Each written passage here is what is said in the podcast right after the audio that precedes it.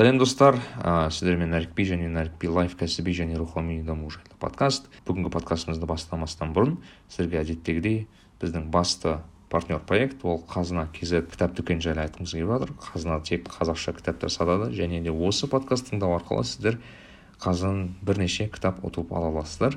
Ә, қандай кітаптар екенін оны сіздер инстаграмдағы постымыздан біле аласыздар. Иншалла сол жерден көріп кітап ұтсаңыздар болады. Ал біз бастайық. Нарик билай кәсіби және рухани даму жайлы подкаст. Так сәлем достар. Бізде бүгін ерекше эпизод. Ә, бірінші рет мен жалпы осылай осындай формат жазып отырмын. Қазір енді видео жоқ бізде бірақ біз студияда отырмыз. Маған қарама қарсы бүгін біздің досым менің досым. Енді бұл подкасттың тұрақты амбассадоры амбассадоры. Данияр жігітбек дәке қош келдіңіз. Ә, қош көрдік. Нәреке бүгін бір ә, ерекше тұсаукесер болайын деп тұр. Иә. Ұнап отыр ма жалпы қазір? Ұнап отыр енді көреміз бір шабыт беріп тұр. Бұрынғы подкасттарымды тыңдасам ойбай. Иә бағана біз тасбақаның жылдамдығымен сөйлеген екенбіз енді осы жолы кішкене тезірек сөйлеуге тырысамыз. Біз бағана көтеріп барып осыны талқылап едік. Бірінші эпизодты тыңдасақ біз кәдімгідей тасбақа сияқты сөйлеген екенбіз. Сондай бір ощущение бар. Бірақ өсу бар иә бастысы? Өсу бар иә. Негізі айтады ғой адам өзінің өскенін қалай біледі деген кезде ол мысалы артына қарап бұрынғы тірліктеріне қарап күлсе күлкімен еске алса немесе шикілігін байқаса онда ол өсті деген сөз. Сол тұрғыдан алғанда енді бір жағынан қуануға да болады да. Жалпы иә.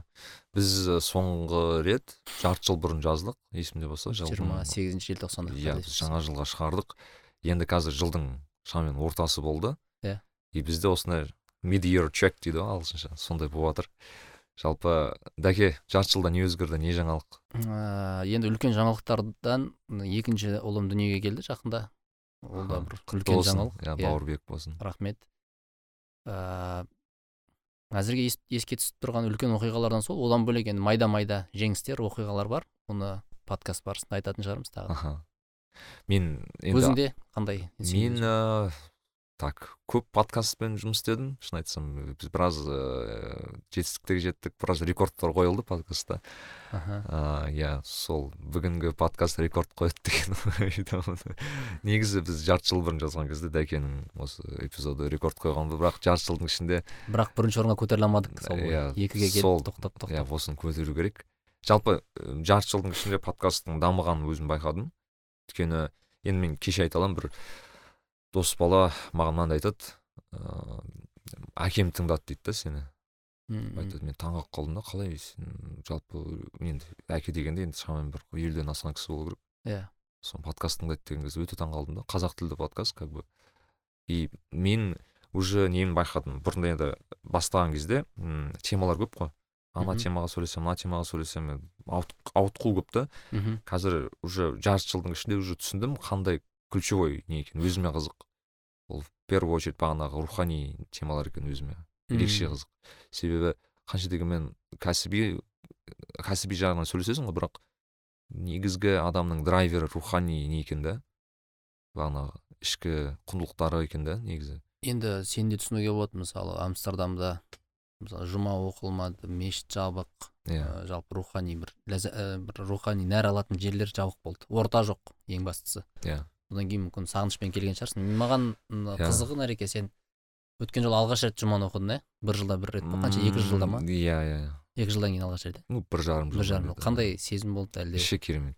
Шын айтамын мен енді ііі білмеймін прям кірдім и уже басқаша да то есть көзіме шын айтсам жас кел жас келді ма білмеймін бірақ әйтеуір сондай бір біртүрлі бір сезім болды.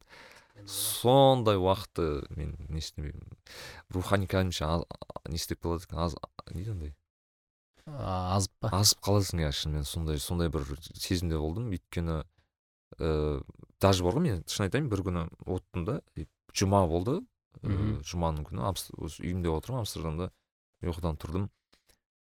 И потом барып түсінемін ғой бүгін жұма негізі жұма оқылу керек еді ғой. Өйткені мен стористан қараймын ғой алматыда жұма оқылып жатыр мен түсінемін ғой мә мен настолько ұмытып қалғанмын что жұма болып жүргенін что бір жарым жылда ұмытылады да настолько адам бармаса ше. Ұмытылады ыыы одан бөлек есіңде ма біз өткен подкастта осыған дейін ә, бір жыл бұрын. Ол кезде жұма оқылмайтын еді ғой бізде. Иә иә. Сол кезде жалпы біз қазақстанда жүріп біздің өзімізге бір ә, бір біртүрлі болды. Мысалы жұма болмаса сенде бір настройда болмайды да соған сәйкес. Ә, бір өзіңді бір толқынға келтірмейсің сол үшін.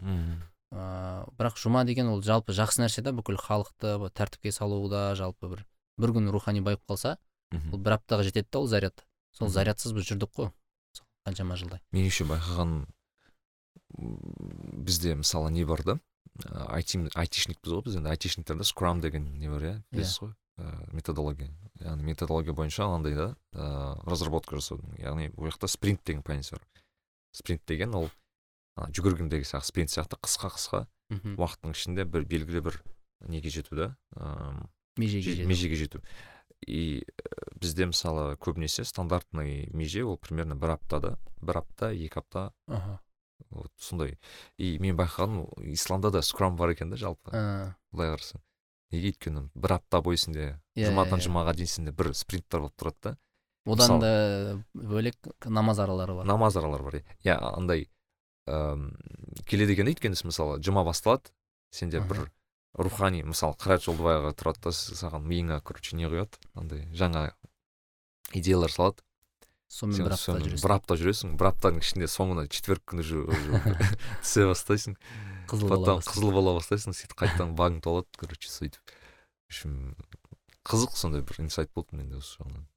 Мгм. дәке сіз осы жарты жылда қырғын адамды кітап оқытқызды дейді. Соны маған қызық болып отыр енді бір ә, бір қырғын емес. Бірақ та осы жарты жылдық несімен есте қалды десең ә, бұл қоғамға қызмет ә, бойынша есте қалған сияқты. Өйткені қазақстанның қателеспесем бір төрт бес қаласында болдым.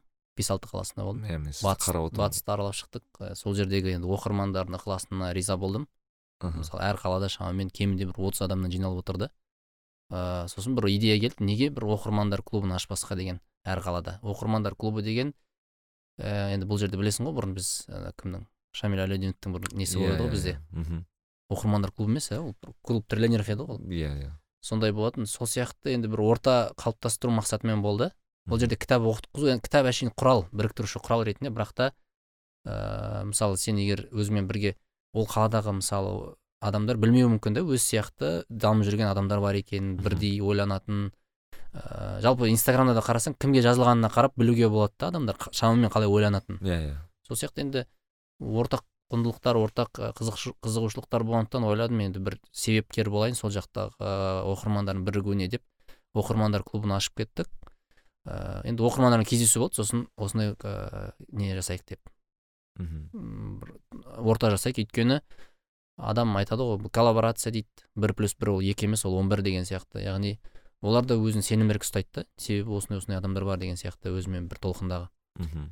Сөйтіп енді аштық ә, соған бір себепкер болу мақсатымен. Одан бөлек енді кітап оқытқызу дегеннен келеді келіп шығатын нәрсе мен ойландым да былай енді мысалы ә, қоғамға ағартушылықпен айналыссаң да жалпы қоғамға қызмет еткен көп қой мысалы. Саяси жүйені бір нәрсені өзгерту керек немесе ә, бағанағыдай ә, экономикадағы проблемалар шешу керек. Анау мынау өте көп проблема. Мхм. Сосын енді түбіне үңіліп үңіліп өзімше тапқан себебім ол кітап оқу деп таптым да. Яғни бізге кітап оқытқызу керек халыққа. Не үшін кітап оқытқызу керек? Себебі айтады ғой адам кітап оқуды тоқтатқан кезде ойлануды да қояды дейді. Яғни бізде көп адам ойланбайды. Мен бұрын ойлайтынмын үлкен адамдарға қарап кішкентай кезімде. Үлкен адамдар бір ақылды бір байыппен шешім қабылдайды дұрыс шешім қабылдайды деп ойлайтынмын бұрын. Кейін ә, есейе келе байқағаным адамдардың көбі ойланбайды екен. Адамдардың көбі ойланбайды екен. Ыыы тіпті мынандай бір статистиканы оқып қалдым бір кітаптардан. Ә, сонда айтады да 95 пайыз адам ойланбайды екен. Үш пайыз адам ойланам деп ойлайды екен. Екі пайыз ғана шын мәнінде бүйтіп ой жүгіртіп терең ойлана алады екен да. Примерно бір пайыз терең ойланады деген сияқты мына жерде? Енді ойладым сонда бізде жалпы критическое мышление деген бар ғой бізде жетіспейтін нәрсе. Креатив болсын оның бәрі сол кітаптан алынатын нәрселер ғой. Ыыы даже бізде қазір мынандай клиповое мышление деген шықты. Ыыы он бес секундтан артық ы, ақпарат қабылдамайсың оның өзіне де тез тез сөйлеу керек. Бізде қазір жай сөйлесек жалықтырып жібереміз да көп адамды. Иә. біреу қазір x екімен тыңдап жатқан шығар бізді. иә. бірақ ә, сонда да бірақ с- ы, соны жеңетін нәрсе ол әдеби кітап оқу мысалы. Клиповое мышлениені жеңетін нәрсе. Білесіз ба неге? Потому что әдеби кітапты x екіге қоя алмайсың. Иә иә иә. Оқиға желісін. Тез тез оқи алмайсың ғой иә? Өйткені ну максимум скорочтениеда жүрмейді ғой досында иә жоқ негізі еще ә, білесіз ба мен өзім аудио алдым да қатты. Мен подкаст жасағандықтан подкастты өте көп тыңдаймын. Аха. И маған шыны керек кітаптан гөрі подкаст жаса подкаст тыңдау қайда жеңілірек бірақ мен кітапты все равно оқимын. Неге өйткені кітап оқыған кезде почему то көз бен ми бірге жұмыс істейді да саған сразу. Мидың басқа бөліктері іске қосылады. Иә уже мен басында қиналасың кәдімгідей негізі ана прям жұмыс сияқты болып кетеді да саған иә, прям иә. ойланып прям. Сосын түсіндім ыыы бізде қазір кітап оқуды көбірек насихаттау керек. Ыыы сосын тегінде марафон жасап көрдім рамазан айында бағанағы оқырман клубтарына. Яғни шарт мынадай. Кемінде отыз минут кітап оқып есеп тапсырасыз.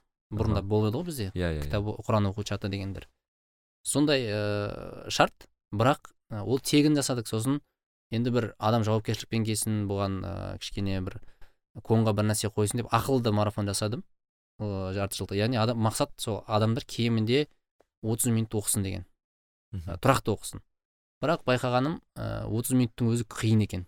Қазіргі жастарға отыз жалпы. минут адам шыдамай ма күніне ол былай ғой мысалы анау пом- помодоро сияқты ғой қоқып қоясың да. 30 минут бойы зейініңді ешқайда бұрмай кітапқа өзіңді арнауың керексің қысқасы. Сонда 30 минут бойы кітаппен оңаша қалу ол бір проблема екен негізі. Мен сосын енді одан кейін ой келді мүмкін он минут қылып түсіріп көремін деген сияқты. Тест қой былай тексеру зерттеу жұмыстары сияқты мен үшін бұл. Сонда ә, байқадым көпшілікке бұл қиын екен 30 минут оқу. Бірақ бұл біздің қазіргі ә, телефонға тәуелдік заманында клиповое мышление заманында бір өте керек нәрсе. Сонда ойла 30 минуттың өзі көп болып тұр қазіргі кезде. 30 минут ол ұзақ сияқты. Демек біз деген уақытымызды ә, сондай жылдамдатып тастағанбыз. Ыыы мен қазіргі қазіргі осы жарты жылда есте қалатын нәрсе сол менің бір қоғамдық жұмыстармен көбірек айналысқаным шығар. Біраз Мгм. тренингтер болды сол қалаларда бағанағы ақтауда үлкен тренинг болды. Ә, басқа қалаларда оқ- кездесулер болды оқырмандармен. Ә, сосын енді сол бізде сол болды. Сосын ә, жазу жағынан бізде не болды? Ә, жалпы бір не бар ғой? Тайбурол деген ес- естуің бар ма? Мұғалім ке- кемел болашақ деген сияқты. Ә, жалпы қазір ә, мынандай бір не бар? Ә, сондай бір қайырымдылық қайырымдылық емес бір фондтар бар. Олар болашақ мұғалімдерді стипендия береді. А қызық. Мысалы батыста кәсіпкерлерден ақша жинайды. Сосын сол кәсіпкерлер мұғалімдікке оқып жатқан балалардың арасынан үздіктерін өздеріне таңдап оларға ағылшын тілін үйретеді бағанағы жазу неше түрлі нәрселерді қысқасы жан жақты мұғалім қылуға даярлайды. Деңгейін өсіреді ғой былайша деңгейін өсіреді. Ол ә, универдің стипендиясынан бөлек. Көбінесе акцент ер балаларға ер мұғалімдерді дайындауға. Неге? Өйткені ер адамдар аз ғой қазір мұғалімдікте. Сосын иә, бізде проблема бар. Ә, балы жетпегендер ұбт да мұғалімдікке тапсырды ғой. Иә. Сосын олар ойла қандай мұғалім болады. Сосын қандай балалар тәрбиелейді сол балалар қайтадан мұғалімдікке тапсырды сонда мынандай бір не цикл цикл болды. Да иә иә. Сол циклды бұзу үшін ә, қазіргі мұғалімдерге мұғалімдікке оқып жатқан балаларға стипендия беріп ә, сосын мектептерге сондай бір болашақ жақсы мамандар дайындау мақсат болып жатыр да. Мемлекеттен тыс. Мысалы мені шақырды ол жаққа жазу шеберлігін үйрету үшін. Мен бір бес қаласында болдым. Батыстың төрт қаласы сосын қызылордада. Иә. сол ұйымға бір ә, көмек үшін септігін тигізу үшін студенттер жиналды. Бір қателеспесем екі жүзден аса студент алдынан өтті. Мхм. тренинг жасадым. Бек сағаттық жазу шеберлігін. Копирайтинг қой енді былай ә, сауатты жазу өтімді Аха. жазуды үйретіп қайттым енді. Ә, сондай мақсат. Демек мен өзімді бір жағынан ә, бір қоғамның болашағына бір кішкентай тамшыдай үлес қостым деп бір мақтаныш сезімім бар да бұл жерде. Иә. ертең ол 200 студенттер ә, жазу шеберлігі жақсы болса ол сәйкесінше өзінің студенттеріне үйрете алады деген сияқты ғой. Мхм. сол енді бізде есте қалатын сол болып тұр. Сізде өте продуктивно өтіпті. Ол білмеймін енді продукт қаншалықты продуктивный екенін бірақ ыыы істеді. Эффективно деген дұрыс шығар продуктивно емес. эффективно. Ну да. Нарик билай мен анау қазір ойымда келіп отыр да қазір айтып отырсыз ғой. Эм, ана клиповое мышление деген яғни адамдар ыыы ұзақ бір нәрсені көре алмайды деген осыған байланысты қызық мына статистика. Қаншалықты енді точно екенін айта алмаймын бірақ мынандай оқып қалдым да что ә, қазір мысалы мен футбол евро бітті ғой жақында иә ғана мен евро машина барын айтпақшы в общем евроның евроны қарадым өзім футбол жақсы көретін адаммын ә, бірақ андай статистика болыпты да что кезінде бір айтайық он жыл бұрын футбол қарайтын ә, адамның ә, былай орташа жасы отыз жас па сондай болыпты да? Қазір футбол қарайтын адамның орташа жасы шамамен қырық жас екен да. Мм. Сонда бағанағы тура сол бағанағы отыз отыздағы адам сол қазір он жас үлкейген ана қырықтағы. Это о чем говорит? Ә, қазіргі отыз жастағы балаға қызық емес футбол. Қызық. Футбол слишком ұзақ ол үшін. Тоқсан минут бойы иногда даже екі сағат бойы бір бір доптың бір, бір шеттен екінші шетке секіріп жүру ол аса қызық емес. Мен өзім жайлы айта аламын мысалы мен енді мына жерде біртүрлі әңгімелер болады бірақ қазір мен ә, стриминг деген қатты отырдым осы жолы. Стриминг деген ол стриминг деген ойын ойнап отырады сен бақылап отырасың. Иә мен мысалы контр страйктан ойнайтын адаммын да. Енді контр страйкты бір мықты ойнаймын просто балалармен арасында ойнайсың ойнайсың. Бірақ мен ойлайтынмын ыыы мысалы контр страйк деген енді көбісі қазір енді мен еститін шығар қазір комменттер жазып сұмдық не айтып жатыр деп бірақ негізі қазақтар контр страйктың біраз жетіне жеткен негізі. Қазір ә, номер один команда бар ғой контр страйктан гамбит деп аталады. Yeah. Иә. қазір енді жазып отқан кезде. Аха. Гамбиттің ең ключевой игрогі абай деген абай деген жігіт. Аха. По сути номер один әлемде. Ойлаңызшы мықты ғой мысалы. И маған десең бұл енді киберспорт қой бір футбол сияқты ғой. спорт түрі иә негізі. Мысалы біз қазақстан футбол құрамасы ыыы жеңсе қуанамыз ғой. Иә. мынаған да солай қуануымыз керек дейсің ғой. Негізі иә. Өйткені мысалы қараңызшы бізде байс бар былайша айтқанда ағылшынша. То есть мысалы қараңызшы айтады ыыы штанга көтереді бір жігіт. Мысалы илья да штанга көтеріп біз чемпион оған машинесінің алтына машина аламыз квартира аламыз деген сияқты. Иә иә.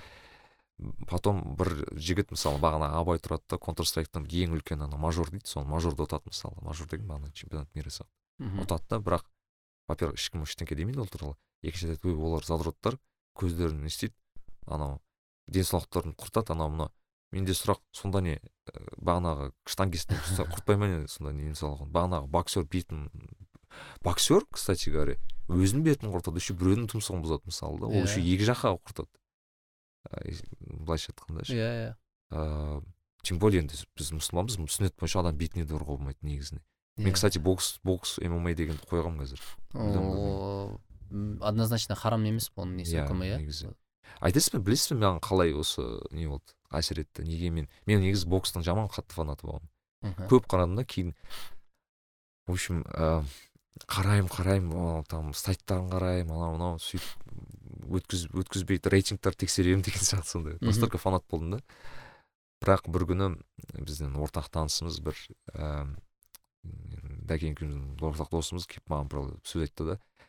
Нәрікби дейді адам бетінен ұру харам ғой деді да. Иә харам ол айтады енді қара дейді. Харамды қарау харам ба? деді. Сондай сұрақ қойды да маған. Ә, мен ойландым ну да по идее біртүрлі ғой енді сен біреуді ұрып жатқан бір, мысалы біреуді ұрып жатрсың сен қарап отырсың просто. А вот енді қара дейді. Харамды көріп ләззат алу харам ба? деді да маған. Негізі футбол ә, футбол деппін ғой ну ә, жаңағы бокс сол туралы ғой негізі сен қатты тұрады ва дейсің кәдімгі дофамин өседі деген сияқты иә иә по сути екі адам бір бірін төрт бес деп сен қарап отырсың сондықтан мен қойдым айттым болмайды бұл бокстың өзі сондай болса мма деген мма оның ар жағы ол жақта әйелдер төбелеседі еще одан қарсы жаман одан кейін мен футбол қайта дұрыс па дедім негізі енді бір біраз уақыттан келесі подкастта мен футболды қойдым деген жоқ ол не айтып отырмын киберспортта ондай жоқ киберспортта бәрі компьютерде сен ол жақта өте и киберспорт идеально вписывается бағана клиповое мышленияға контр страйкта бір раунд бір жарым минут ага то есть бір жарым минут сайын сенде бір соңғы 15 секунд өте көп событие болады да сонда ол киберспортта ыыы мақсат не ол мысалы қазір біз ойнап жүрген контр страйк ғой. Иә. бәрін өлтіріп тастасаң. Иә. жеңесіңдер иә yeah. заложникті алып шықсаң жеңесің деген иә иә қанша қанша ойнайды қазір неде қазір былай ә, командаға бес те бес ксго деп аталады қазіргі ол иә ә, беске бес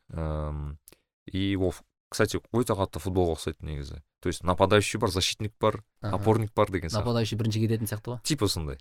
Ол жақта обязательно обязательно снайпер болады пистолеткамен ататын біреу болады ну короче ол рольдер бөліп тастайды абай кім абай кім снайпер ма абай ұмытып қалдым кім екенін шын жоқ негізі ол жақта еще отдельный тренер болады ол жақта кстати кбтудың бір жігіті сол виртус про деген команда бар ресейлік соның тренері қазақ жігіт ыыы жалпы жақсы бізде не еще удивительно что бізде қазақстанда пинг үлкен ғой сіз нетворк білесіз ғой иә пинг үлкен бола тұра қазақтар ойнап жүрген таңқаласың жоқ жалпы айтқым келгені не.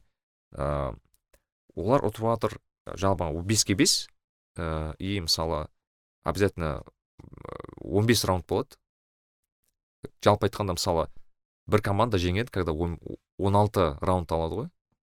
Мысалы он төртте он төртте он алты болса типа да он төртте он алты болса значит ана он алты алған команда жеңеді да. Бірақ болып айтсаң он алты он алты болып қалады олар там овертаймға кетеді футболдағыдай мысалы. Иә. Негізі қызық өйткені ол жерде білесіз ба неге? Ол жақта качеля қатты да өйткені мысалы футболда қалай? Футболда мысалы сен екі футбол команда ойнап жатады үште бір болады. Иә. Мысалы үште бірден камбэк жасау өте қиын. Иә. Ана жерде тез. Өйткені не өйткені алар защитаға жатып алады и потом болады да алар ештеңе істемей қалады. Ал бұл жақта ондай емес та бұл жақта өте көп андай смешной моменттер болады да когда бір команда бывает он бесте он бесте бір болып ұтып жатады да он бесте бір байлаңыз и уже расслабиться болып кетеді да соңына қарай. И потом олар он бесте екі қалады потом он бесте үш қалады. И соңында он бесте он бес он бесте алты болып жеңіп кететін кездер болған. Ол жерде анау ол жақта экономика деген понятие бар да анау закупать етеді ғой кәдімгі есіңізде ма контр страйк бір де алты ойнаған кезде там ақша тұрады ғой он алты мың доллар ма? Сатып аласың. Ол жақта экономика деген понятие бар да сен ол математика кәдімгідей сен есептейсің ана жақта сен оны тренер есептей ма? Ол иә кәдімгі айтады типа сен егер осы раундта калаш алсаң келесі раундта ұтылсаң калаш ала алмайсың уже сен. Деген сияқты. Короче это кәдімгідей қызық то есть это мен енді қазір біраз тыңдармандар қазір біртүрлі жатқан шығар. Неге бұлар контр страйк туралы сөз? Негізі бұл тренд. Киберспорт это тренд надо это принять. Как тикток как кезінде инстаграм ол бар зат. И оны мен одан бөлек айтайын мен кәдімгідей тур, неге не андай турнирға барғанмын киберспорттың ол вообще как бы кәдімгі футбол сияқты. Ә, то есть ол жақта мысалы бір үлкен зал дотаға арналған бір үлкен зал ксгоға арналған. И ол жақта прям фанаттар бар мойындау керек бұнымен айналысқан адам салмақ тастамайды. Тері шықпайды? Әлде тері шыға ма? Тері жоқ негізі арасында анау өзінің комьюнитилары бар ол жақта андай бар типа енді шыны керек көбісі отыратын жұмыс қой.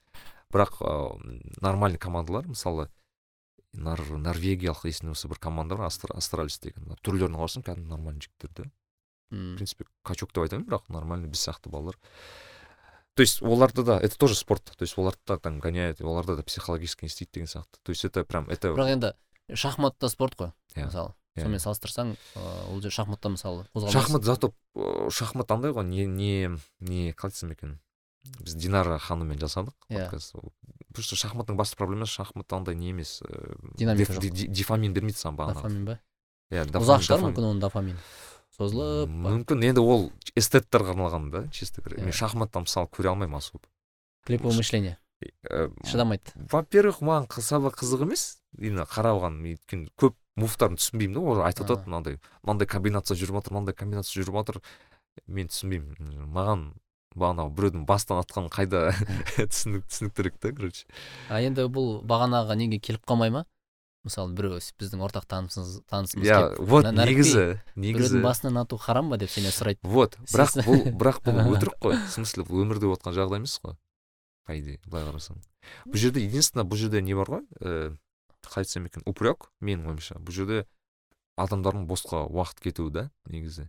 Өйткені бұл шын өмір емес та негізі. Иә. То есть ол мысалы ол далада футбол ойнаса ол босқа өтті деп айта алмайсың. Өйткені ол мысалы денесін шынықтырып жатыр бір күш, күшті болып жатыр. А мына жерде олай айта алмайсың да ол несін шынықтырып жатыр ол? Ештеңке. Ештеңе азарт жоқ тек ә, реакция шығар максимум вышкамен жоқ негізі бар зат то есть это не говорит что это мен мақтап жатқан жоқпын. Просто yeah. к тому что ол бар дүние да мен зерттеп көрдім қарадым в принципе нормально көруге болады. Бірақ занимался бы ли я этим? Нет та мысалы мен айтамын мен ақсайда тұрамын ғой негізі ақсайдың өскен баламын yeah. ақсайдың бір екі баласы бар который прям профессионально кеткен. Олардың зарплаталары прям сұмдық прям футболисттер сияқты кәдімгідей. Өте көп алады. Енді қазір бәрі онлайнға кетіп бара жатыр ол тренд. Оны негізі қабылдайсың бірақ. Ну просто я к тому что мысалы сіздің әке уже екіңіз екі балаңыз бар деген сияқты олар өскен кезде ол уже болады да. И соответственно оның болашақта иә болашақта жұмыс істеу керек просто не факт что он жылдан кейін он бес жылдан кейін футбол осындай популярный болады не факт. Бірақ мен мынандай бір реформалар жайлы естігемін футболда мысалы ыыы қырық бес емес қырық қылады минут сосын ыыы ана мини футболдағыдай болады да мысалы аутқа бір жерге кетсе тоқтатып қояды уақытты деген сияқты. Сөйтіп сөйтіп қырыққа түсіреді одан кейін ары қарай түсіреді қазір мысалы. Иә. Ә, бірақ енді бір бұрынғы бір зерттеулерде оқығанда адамның жалпы зейіні қазіргілерді зерттеуді білмеймін бірақ бұрын 90 минут деген мысалы кинолар бар ғой 90 минут қылады. Иә сабақтың өзі мысалы пардың өзі 45-тен екі минут екі рет 90 минут ә, футбол 90 минут. Яғни 90 минут деген бір не бар да? Меже да Меже. какой-то стандартный да стандарт одан кейін уже қызық емес бола бастайды. Бағанағыдай эффектив қазір просто сол меже түскен сияқты да просто тоқсан минут емес қазір. Менің ойымша бір сағат шығар максимум. Мүмкін иә. Иә қазіргі технологиялардың дамуымен. Вот как вы думаете егер мысалы сабақ жиырма бес минут болса? Білмеймін. Көру керек. Нормально сияқты ма? Нормально сияқты. Ә, мен мынандай бір ұсынысты естігемін үй тапсырмасын бермейді деген. Голландияда солай кстати. сондай ма? иә. Голландияда ыыы бізде бір қазақ балалар бар сол жақта балаларын оқиды. Тап, үй тапсырмасы жоқ. Күшті негізі. Өйткені мысалы олар ә, сабаққа барады. Бұл жақта қызық мысалы сен таңертең барасың сабаққа. Оларға тамақты үйден алып келесің. Специально олар контейнер болады. Сен контейнер тамақ алып келесің. Мхм сабақты оқисың. Ә, сабақ болады. Сен сабақты оқисың тамағыңды жейсің. Потом үй тапсырмасын сол жерде жасайсың прям. Мұғалім көзінше. Мұғалім көзінше бірге жасайсыңдар. Бітіресің үйге қайтасың. Вообще уайым қайғы жоқ. Просто үйге қайтасың болды. А, айтпақшы мен осы жылы қалаларды аралаған кезде сол жақтағы жеке частный мектептер көрдім да. Мхм. Атырау шымкент жалпы. Ыыы ол енді жеке мектептерде сондай система бар екен. Бізде де алматыда да бар ол. Иә. Ыыы мысалы ба- ол жерде бала сол жерде сабағын оқиды түске дейін тамақтану сол жерден түстен кейін үйірмелері бар сол жерде. Сосын тәрбиешімен бағанағыдай үй тапсырмасын орындайды. Сонымен алты жетіде үйіне қайтады болды. Ата анасын ата анасын да жұмысқа барып қайтқан сияқты ғой бірақ енді былай қарасаң үй тапсырмасын да орындайды сол жерде. Үйірмесі де қазіргі алматының ыыы жағдайын ескерсең көлік кептелістерін ескерсең бұл ұтымды шешім сияқты. Енді ба- бағасы мен алматы туралы айтып отырмын бірақ басқа қалаларда ол одан да тиімдірек шығар. Бағалы бағалары мысалы қанша? бір жарым миллион екі миллион Жылына да? жылына иә. Бірақ ыыы енді Нормально айына қарасаң екі жүз мың ғой иә? Негізі нормально қарасаң 200, сияқты иә. ондай енді иә сенің уақытың үнемделеді. Иә. ыыы сен сонда балаң ана жерде үй Маған бұл жерде ә, Аха. маңыздысы маңыздысы бұл мысалы үйірме үй тапсырмас білім одан бөлек тәрбие одан бөлек бір маңызды нәрсе бар бұл жерде. Айтайын ба не? Бұл жерде орта бар. Мысалы мен ә, ойландым да енді балаң туылғаннан кейін оның тәрбиесін ойлайсың ғой. Болашақта қалай тәрбиелеймін деп уайымдасаң ә, уайымның шегі болмайды. Өйткені мысалы ана бо- боқтайтын балалары бар тағы бір жаман әдеттері бар ол үйінде психологиялық травмамен өскен балалар бар да. Сонда ә, сен ойлайсың сен балаң мыналармен бірге сені ә, бәлкім қазір бір үш жас алты жасқа дейін бір тәрби- тәрбиелей алатын шығарсың бір өзің үлгіңмен бір нәрсемен. Бірақ кейін оны ортасы тәрбиелейді ғой. Сонда ә, балаға ең маңыздысы орта жасап беру. Орта жасап беру ол сол ортада ә, эко экосистема дейді ғой. Сол ортада дамиды. Сонда бағанағы бір жарым миллион екі миллион ол ең құрығанда сол ортасы үшін сен төлейсің. Ол ол жақсы инвестиция негізі. Өйткені сен балаң ә, дұрыс дұрыс нәрселер естиді дұрыс нәрселермен өседі ана балалармен ә, сол дұрыс экосистемада олардың ата аналары скорее всего бір жарым миллион екі миллион төлей алса демек ә, олар да ат баласына инвестиция құюға дайын ә, белгілі бір деңгейде дұрыс ойлана алатын адамдар ғой негізі былай. Терең ойлана алатын адамдар енді мен ә, әркім шамасына қарай шабады оны жоққа шығармаймын. Бірақ та ә, сол мәселе сонда сен ол- қазір мысалы маған да қазір мотивация. Ә, көбірек ә, ақша табуға жалпы сонда бұл ә, сөйтіп балаңа салған ақша ол өзін көп ақтайды. Дұрыс жерде тәрбиеленеді дұрыс яғни сондай бұндай мектептердің енді арнайы мектептердің де мектептері болады. Бірақ мен көрген мектептерде ә, сондай да жүйе.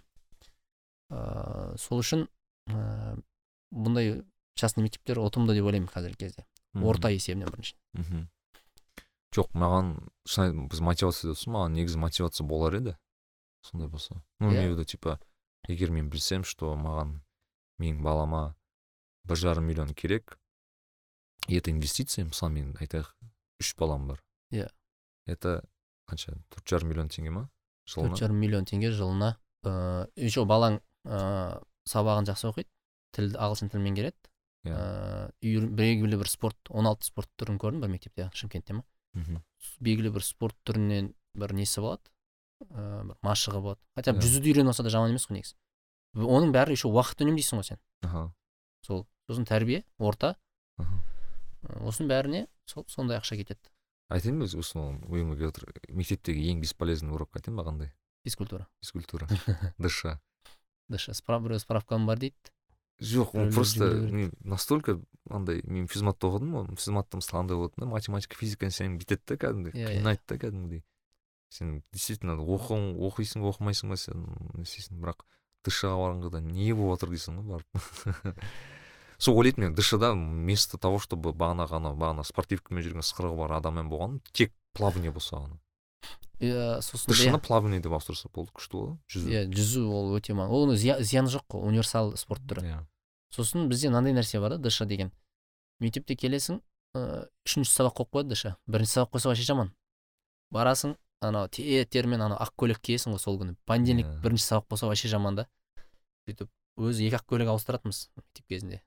А бір аптаның ішінде ше. Мақсат средаға дейін бірінші көйлекті сақтап тұру да. Иә иә. Одан кейін екінші көйлек дайындырады сөйтіп а, ана нені енді ойлашы дшда шығасың тер тер болып анау не болып киіп аласың көйлегіңді жүгіріп барасың сабаққа кешігіп барасың кіресің екінші сабаққа. деп ентігіп оқисың екінші сабақты. Кіре ол басыңа кіре ма кірмей ма түсініксіз да. Негізі бағанағыдай ыыы не шешім ұтымдырақ болатын еді. Түскен кейін сабақ оқисың түстен кейін дш бағана спорт. Мхм. Ыыы тамақтану да сол жерде. Ыыы енді былай қарасаң кейде жаның ашиды мысалы бізге үйреткен жоқ ешкім. Ана бір нені лакомканы нені пирожкиді ұстап аласың жеп отырасың сабақтың ортасында мысалы ше. Дұрыс тамақтан ол асқазаның ауырады. Құсқың келеді ұйқың келеді сабақта. Оның бәрін ешкім есептемейді ғой. Өткен жолы бір күрестен жарыс болып жатыр. Бір жерден өтіп бара да жанынан. Анау балалар деген кіріп шығып жүр да жанындағы магазиннен сэндвич алып жеп жүр. Қазір ол сэндвич жеп алады да одан кейін күреседі бес минуттан кейін. Ойлашы қалай күреседі? Оны тренер айту керек қой негізі. Ыыы мектепте де сол. Бізде дұрыс тамақтануды да ыыы білмейміз да үйретпейді ешкім. Балаға үйрету керек та мысалы қазір сен тамақтасаң мынау тамақ сені ұйқыңды келтіреді мынау тамақ құсқызады былай былай деген сияқты жоқ мысалы давай еске түсірейік біз мектепте не жедік? Мен, пирожки жедім көп. Пирожки ыстық тамақты жемейсің ғой ол жерде онша Э, пирожки сосиски в тесте. Сосиска тесте не? Эм, каша жейтін. каш сосын ана не бар ғой ана коржик деген бар. Коржик. О коржик. Сих пор бар компот сосын. бағана көтеріліп жатты ғой байқадыңыз ба бір асхананың иісі келіп Иә, жатты да иә, бізге. иә. сразу мектеп есіме түсті да менің почему то сондай ассоциация бар. Мен жалпы э, бағанағы сіз айтып отырсыз ғой мектеп бағанағы не сияқты как сказать ребенок под ключ сияқты да күшті екен да иә иә. бірақ көрдің ба нареке бұл ә, біз қазір ә, бұның бәрін ә, қалтасы көтергендер немесе бір ә, бір адам сол жекелеген адамдар ғана өзіне ә, былай мүмкіндігі бар да бұны Иә, иә. нетуге рұқсат беруге не. бірақ бұл мемлекеттік деңгейде бол- болса ойлашы қандай керемет болар еді иә бүкіл қазақстанның әр баласы осындай деңгейде өссе мен негізі мынандай теориям бар что это вообще возможный зат потому что әрине мен есімде емес именно қай жерде болған мен точно айта алмай тұрмын бірақ мынандай бір э, мектеп болған алматыда. Короче бізде мектептердің басты проблемасы қандай? Бюджет. Бәрін Иә. айтатын бюджет. Неге дейді? Айтады бізде бюджет аз там аз бөледі анау мынау. Короче мен есімде болса бір мектеп. Айтқан екен бір мектептің адамдары давайте короче сендер біздің мектепті сізге бересіңдер. Аха под управление. То есть бір балалар жас балалар келіп айтады типа біз мектепті аламыз и бүкіл аудит жасайды бәрін короче. Мхм қайда ақша кетеді бізде қандай не бар. Жесткий оптимизация жасайды. Керек емес расходтың бәрін лақтырады керек емес керек заттарды дұрыс э, пайдаланады и так далее. И мектеп нормально кәдімгі шетелдің мектебінде жасаса болады екен оказывается. Бізде иә Иә. біздің деңгей мемлекеттің бөлген ақшасын қарастыр. дұрыс сен пайдалансаң лишний заттарды алмасаң бағанағы расход масход бәрін дұрыс жасасаң нап нормальный мектеп жасауға болады Иә. екен оказывается. Пост жасайтын адам бар ма деген сұрақ өйткені мысалы кто становится э, кім директор кім болады бізде көбінесе? Бывший мұғалім. Мұғалім насколько хороший управленец да мысалы? Это же разные позиции. Это как вот мысалы мен программистпін да и мен тұрамын да продукт менеджер болып кетемін. Это вообще странно да то есть я вообще не шарю ол жағын мысалы. Это как как бы мұғалім это ә, сабақ беретін адам это крафт ағылшынша айтқан кезде директор это менеджмент. Бұл жерде енді қағазбастылықты да айт, айту керек та. Қағазбастылықты алып тастаса мұғалім таза өз жұмысымен айналысса мысалы жүйкесі тыныш болса. Нарик Билай. вот такие мысалы сіз айтып отырсыз бағана осы мектеп туралы. Ыыы ал мысалы ктл дағыдай маған ктл ұнайды мысалы сізге де ұнайды. Бірақ ктл да мысалы жақсы зат бар рухани тәрбие тәрбие деген зат бар. Мына мектептерде бар ғой Бар ктл-дың бұрынғы мұғалімдері осы жақ- осы мектептерде істейді. Мен, мен, мен білуімше. Бұрынғы директорлері ә, сол жүйені ктл жүйесін сол мектептер енгізген. Қосымша бағанағыдай ә, не үйірмелер қосқан деген сияқты. Бірақ ә, мен қарадым да бізде бір жағынан ә, бір не жоқ та бір идеология керек бізге. Бүкіл қазақтар мен қазір осы мәселе төңірегінде ойланып жүрмін да бүкіл қазақстандағы халықты біріктіретін бір идеология керек. Егер идеология болмаса ә, біз жан жақта шашылып жүреміз да өйстіп. Ол бірінші мәселе. Екінші мәселе біз ана эффективность дейді ғой тиімділік ысырапқа жол бермеу ыыы бұл бізде үлкен проблема. Бұл үлкен проблема. Бұл тек қана билікте мемлекетте емес. Бұл қарапайым бағанағыдай ыыы кез келген бір тұрмыстық жағдайдың өзінде бізде тиімділік жоқ та. Мысалы кейде айтады ғой біреулер ақшаны ұрламауы мүмкін бюджеттен. Мхм. ә, оған баруы мүмкін бюджет. Бірақ тиімсіз қолдану деген нәрсе бар да бізде. Иә. Тиімсіз қолдану деген нәрсе ол ысырап болып жатыр қазір көп. Ә, мен енді ойыма келеді бір ойлаймын кейде. Кайдзенді ғана білемін ғой мен енді. Мхм. кайдзенді үйретсе бәріне есептесе ысырап енді исламнан да алынады ғой ол ысырап жасама деген сияқты. Мысалы ол жарайды исламмен айту мүмкінсің мысалы алла ысырап жасаушыларды сүймейді деген сияқты айтасың ғой енді. Иә. Алла мұхсиндерді жақсы ә, әр нәрсені көркем түрде ә, жасаушыларды жақсы көреді деп айтып оны уағызбен бір нетіп тастасаң болады қуаттап тастасаң болады да адамдардың бәрін бір. Бірақ ол ә, одан кейін инструмент керек оған. Қалай мен ә, эффективный боламын қалай ә, былай ақшаны жеткіземін деген сияқты. Яғни біз бұл жерде коррупциядан да кейінгі деңгей бар да. Иә. коррупцияны жеңген күннің өзінде де бізде эффективность деген жоқ та бізде. Көрдің ба? То тиімді есть мысалы біз коррупцияны қазір жеңсек вот представь гипотетически біздің Иә. қазақстанда коррупция жоқ. Коррупция жоқ десек те неэффективность шығады да бізде уже. Ол ә, ақшаны дұрыс жеткізбейді. Анау дұрыс или или бір ә, өте арзан нәрсені алып қояды да оны ай сайын ауыстыра береді. Неэффективность та? Сосын ойлаймын мен кейде мүмкін сондай бір кайдзен сияқты бір құралдарды бүкіл ыыы бір идеология деңгейіне көтерілсе де мысалы. Енді ол жапондардікі болғанымен бізге енді қазақша ойланатын қазақтың менталитетін ескеріп сондай бір жүйе жасаса ә, сөйтіп жаңа ұрпақты сөйтіп тәрбиелесе мысалы ол идеологияға да ұласып кетеді. Сонда бізде ыыы бе коррупцияны жеңген күннің өзінде де бізде эффективность болмай жатыр да. Ыыы тиімді емес ақшаны дұрыс қолданбайды. Мысалы тойдың өзіне мысалы қарызға бататын адамның өзі де неэффективный адам ғой негізі. Мхм, тойды да мысалы эффективно өткізуге болатын еді. Ол қарайсың шығын көп ысырап көп. Ыыы сол сол сол тұрғыдан ойланасың да кейде енді бір кішігірім миссиям етіп алған сияқтымын бір. Қалай зерттеу жасап жатсыз ба қазір? Енді ойланып жүрмін енді зерттеу деген енді әр оқыған нәрсем енді мен ыыы енді бізде ә, білмеймін мүмкін көшпенді болғаннан кейін ба бізде бір ыыы неде бар да бір жинақылық жоқ. Шашылып жата береді көшеде мысалы мен енді шаңырақта тұрамыз ғой. Иә. шаңырақта көп байқалған нағыз қазақтардың қандай екені.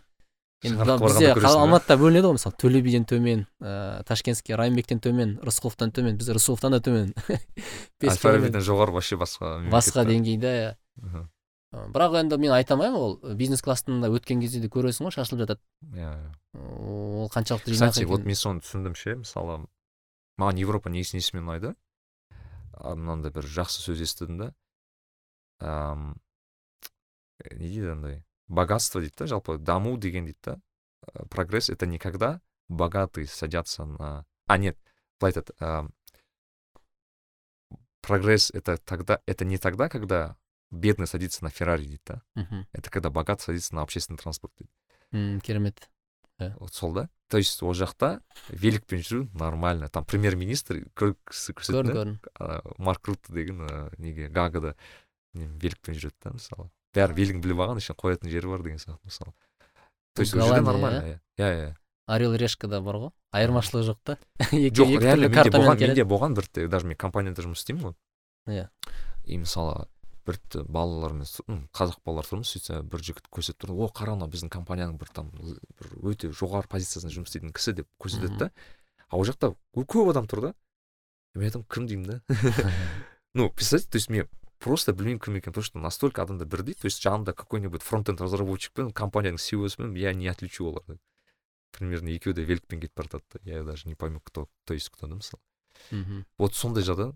Просто бағанағы айтқым келгені мүмкін идеология жағынан ыыы менде андай отрывками отрывками бар да мысалы жоқ, жоқ, айта бер, мүмкін. мысалы менде андай ыыы былай айтқым келеді что біз кім екенімізді білмейміз то есть бізді от обратного жүргіміз келеді да. То есть Иә. қалай мысалы біз айтамыз біз кім кім қандай де- идеология болғанын білмейміз бірақ қандай идеология болма болмайтын ыыы жасағыңыз келмейтінін білеміз да зато. Иә мысалы қазақ жалқау ма? Жоқ. Значит қазақ қандай? Еңбекқор. Иә. Қазақ ысырапшыл ма? Жоқ. Значит қазақ қандай? Бағанағыдай тиімді қолданатын адам деген сияқты. То есть брать бізге жағымсыз қасиеттерді өзімізге қайта бұру да что сказать өйткені адамға дәке басқашалай не істей алмайсың. Бұл енді психология дейсің ғой бүйтіп иә. Иә мысалы бірақ енді ол факт қой мысалы. Енді ол мүмкін мен айта алмаймын тек қана қазақ сондай деп. Мысалы мен итальяндықтардан да ондай байқадым да. Иә. Гректерде бар ондай испандықтарда бар да бір ә, шашырап жүру. Бірақ оларда енді қанша жылдан бері мысалы заң жұмыс істейді дегендей оларда кішкене реттеуші бір факторлары бар да жоқ неден. Сол үшін олар кішкене мүмкін жинақы болуы мүмкін немесе капиталистік әбден сіңген да ол жақта мысалы тірі қалу үшін де сен жинақы болуың керексің деген бізде әлі ол жетпеген сияқты да. Бізде әлі ә, мысалы бір бір нәрсеге сенетін сияқтымыз да. Жинақылық жоқ андай бір пинок керек та бір бір нәрсені күтіп жүрген сияқты да адамдар. Ә, ал мен оны айта алмаймын қазақ артта қалды деген. Бірақ та ә, мүмкін ойлаймын біз біз енді жапон болып кете алмайтын шығармыз. Ә, ондай бір бәріміз тәртіпті. Мүмкін ол бір кейбір адамдардың ерекшелігі шығар сондай. Ә, бізге жапон болу да қажет жоқ негізінде. Иә.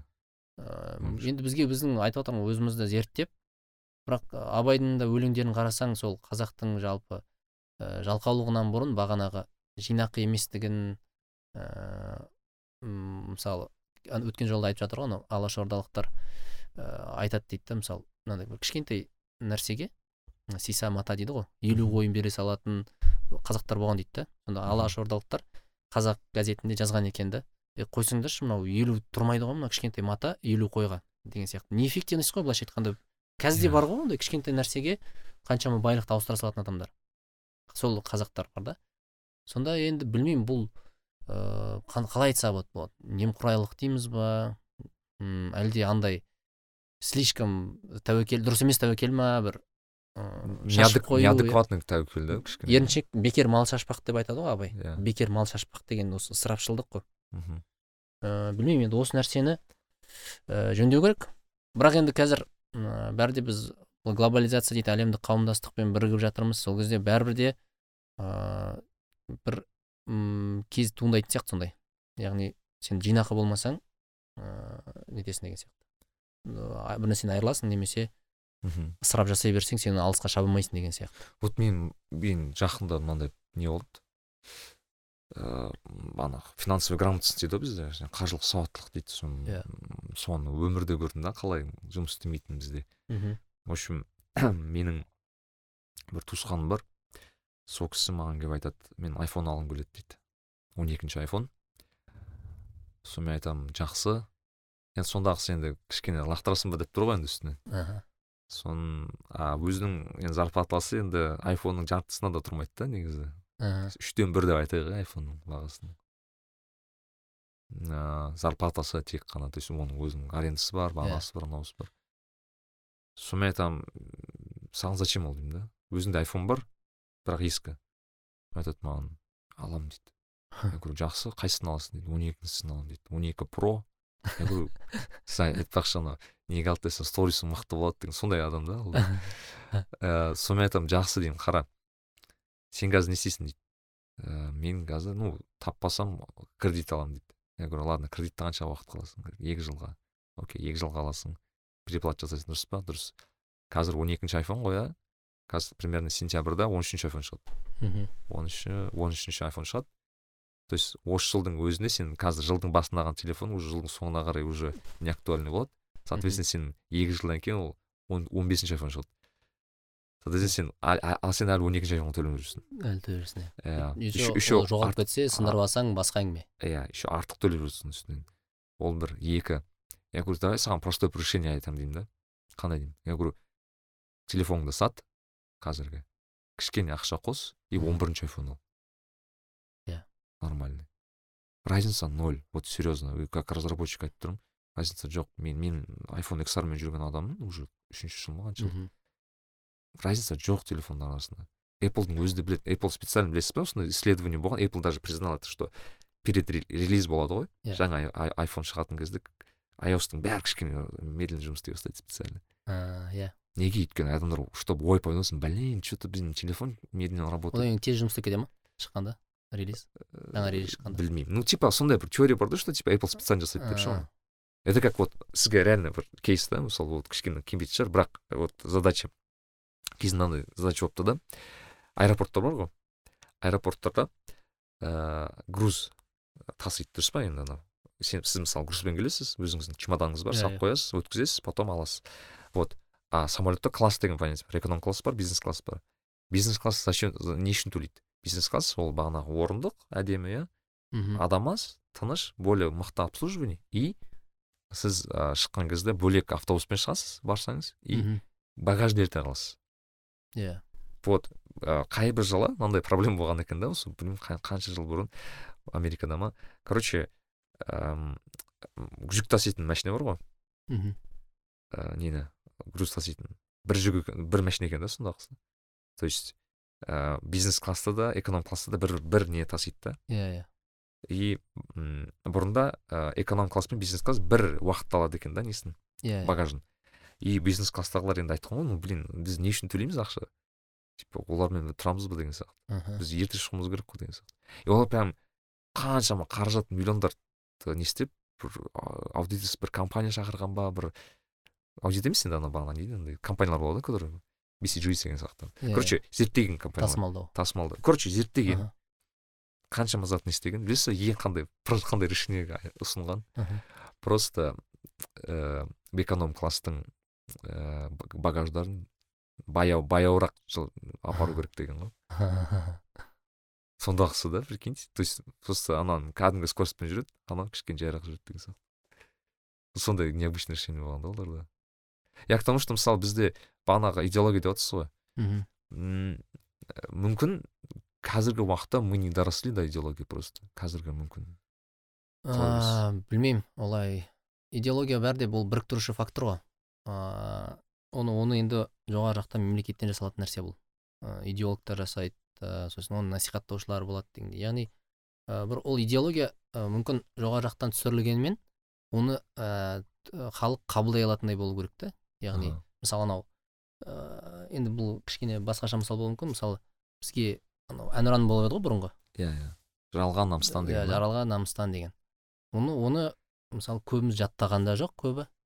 Ы көбі қабылдай алмады да әйтеуір Қиын болды ғой, текст- тексті иә, де қиын тексті музыкасы да қиын. Әйтеуір бір нәрсе қылып әнұран деп ұстап жүрдік. Одан кейін анау менің қазақстаным бар ғой ол кәдімгі бүкіл тойларда соңында айтылатын ән еді ғой Иә, үйлерде. халықтың ішінде. Халық оны іліп әкетті да. Иә. Ол бір жағынан қарасаң халықты да біріктіретін не болып тұр? Фактор әнұран. Ә, бір жағынан ол халықтың қабылдауына да жеңіл нәрсе да яғни бізге бір жаңадан нәрсе ойлап табудан гөрі бар нәрсені ұқсатып соны ә, енді ойлана алатын бір терең ойлана алатын бір идеолог адамдар бұл жерде мемлекеттегі биліктегі адамдардан бөлек интеллигенция десе де болады да. Мхм. жазушылар болсын бір ағартушылар болсын ол тереңірек ойланып осы тақырыпта сосын бәрін бір пазлды жинап халыққа ұсыну керек та. Мысалы болады ғой қазақта да бізде бізде негізі қазір қазақ тілді қазақтар бар сосын орыс тілді қазақтар бар. Иә иә. Сосын басқа ұлт өкілдері бар. Енді басқа ұл- ұлт өкілдерінің үлесі азайып бара жатыр барған сайын. Бізде қазір енді менің ойымша қазір екі үлкен топ пайда болған сияқты. Қазақша қазақи қазақтар қазақ тілінде сөйлейтін. Иә. Сосын ә, сосын бағанағы космополит қазақтар. Ә, ағылшынша орысша бірақ қазақша онша білмейтін сондай мен қайсысына жатамын сонда? Білмеймін енді сен бөлек категория шығар алтын көпір арасында. Иә, алтын көпір адамдар бар. Енді ойлаймын соның бәрін біріктіретін бір қазақстан бізде жалпы кім рахат жақсыбай айтып еді ғой бізде ә, командалық спорт түрлері дамымаған деп ше? Иә, иә. бізде жалпы қазақтар команда болу бір қиын сияқты да кейде ойлаймын. Анау уәлибек бар ғой шаншарды айтатын. Анау шабуылда кіммен? Ұлы жүз орта жүз неде жартылай қорғаныста қорғаныста кіші жүз. Сөйтіп анау ұлы жүз шабуылда келе жатады да дулат пен қоңырат қой екеуі. Иә. сөйтіп анау келе жатады да. Е ана пас берсе дейді да. Жоқ ол қоңырат дейді да дула теуіп жібереді да шетке қарай сонда ойлайсың да бізде ә, жалпы команда болу деген нәрсені өзі қиын болып тұр да бізде идеологиядан бұрын. Мысалы басқаларға қарайсың біз анау италияға жіберді ғой оқушы кезімде неге лагерьге. Сол кезде ана итальянец балалармен ойнап жатырмын біз сияқты балалар негізі олар. Андай бір қатты бір футболисттер емес олар. Бірақ аналар кәдімгідей паспен ойнап бізді енді не қылдық енді бір нәрсе қылды қысқасы. Жеңіп тастады. Ыыы сонымен мен сол кезде жаман сезіндім да өзімді. Бізде қалай футбол ойнағанымызға қарасаң да сондай ғой. Аха. Алға кетіп қалады или пасты дұрыс қабылдай алмайды дұрыс пас бермейді немесе өзі кетіп қалады. Қысқасы бізде команда болу деген түсінік аз да. Иә иә. Енді сен ә, осы жайлы қалай айтар едің мысалы? Сенде интернационал команда ғой мысалы. Иә. IT команда. Сен мына жақта да команда болдың. Команда болды ғой мысалы Иә, иә. қазақстанда да. Аха. Қайда? Бүгін группта болды ма қайда болды бүгін группта болды Иә. там енді IT жағынан ә, сен қалай айтар едің? Команда деген жалпы. Ол жақтағы команданың айырмашылығы қандай? Команда болу деген. Енді бізде де бар командалар жақсы жақсы. Но сондай бізде қызық сұрақ екен мынау жалпы команда деген кезде ә, мен маған мынандай не келді сразу. Командада әркім өзінің орнын біледі. Вот это самое главное команда. Booking комда. Да. То есть это а значит ол что, орын кім белгіледі? Их набирали солай? Ну то есть демек бір стандарттар болды ғой. Конечно. То есть ә, әрбір позицияда өзінің ә, requirements дейді ана нелер бар требованиялар бар. И олар прям четко написаны. Мысалы разработчик ол осындай осындай осындай ответственность алады кодтың осындай таза болуына жауап береді мынандай болуға болады мынандай болады. То есть ты прям оқисың и даже когда сен оценивать етесің сен жұмыстың сол пункттарыңа қарайды сен соответствуешь или не соответствуешь деген сияқты. И олар должны быть очень понятными. То есть двойной стандарт бағанағы иә не деген жоқ. То есть мысалы хороший код десе мысалы что значит хороший код? Мхм. окей түсіндіреді. Хороший код это который тестируемый код тест э, который баг жоқ да? Который можно потом э, оны который тексереді басқа адамдар там и так далее. То есть вообще сұрақ жоқ та Ага. это главное кстати э, проблема с конституцией. Конституцияны оқып көрдіңіз бе сіз когда-нибудь? Жоқ оқып бастан аяқ оқып это невозможно оқу дәке он так на непонятно написан вот мү- мүмкін емес та оқуны вот ма ощущение что он специально адамдар түсінбес үшін жазғандай ше типа мүмкін емес та түсіну вот мен бағанағы ой келіп келді жақсы жақында бір э, не қарадым да? Бір ролик пе еді? Статья ма еді? Короче мынандай мына- мынандай жауап. А, топик мынандай. А, дональд трамп а, выступать етеді ғой короче неге? Президентский нелерде кім болды? Клинтонмен қа- қарсыласты ғой иә ол? Хиллари Клинтон. хиллари клинтонмен. Короче несін алған текстін қарағанда короче қандай сөздер айтқан? Онікі қандай болды? Make america great again. Иә. Типа let's work. Let's do this.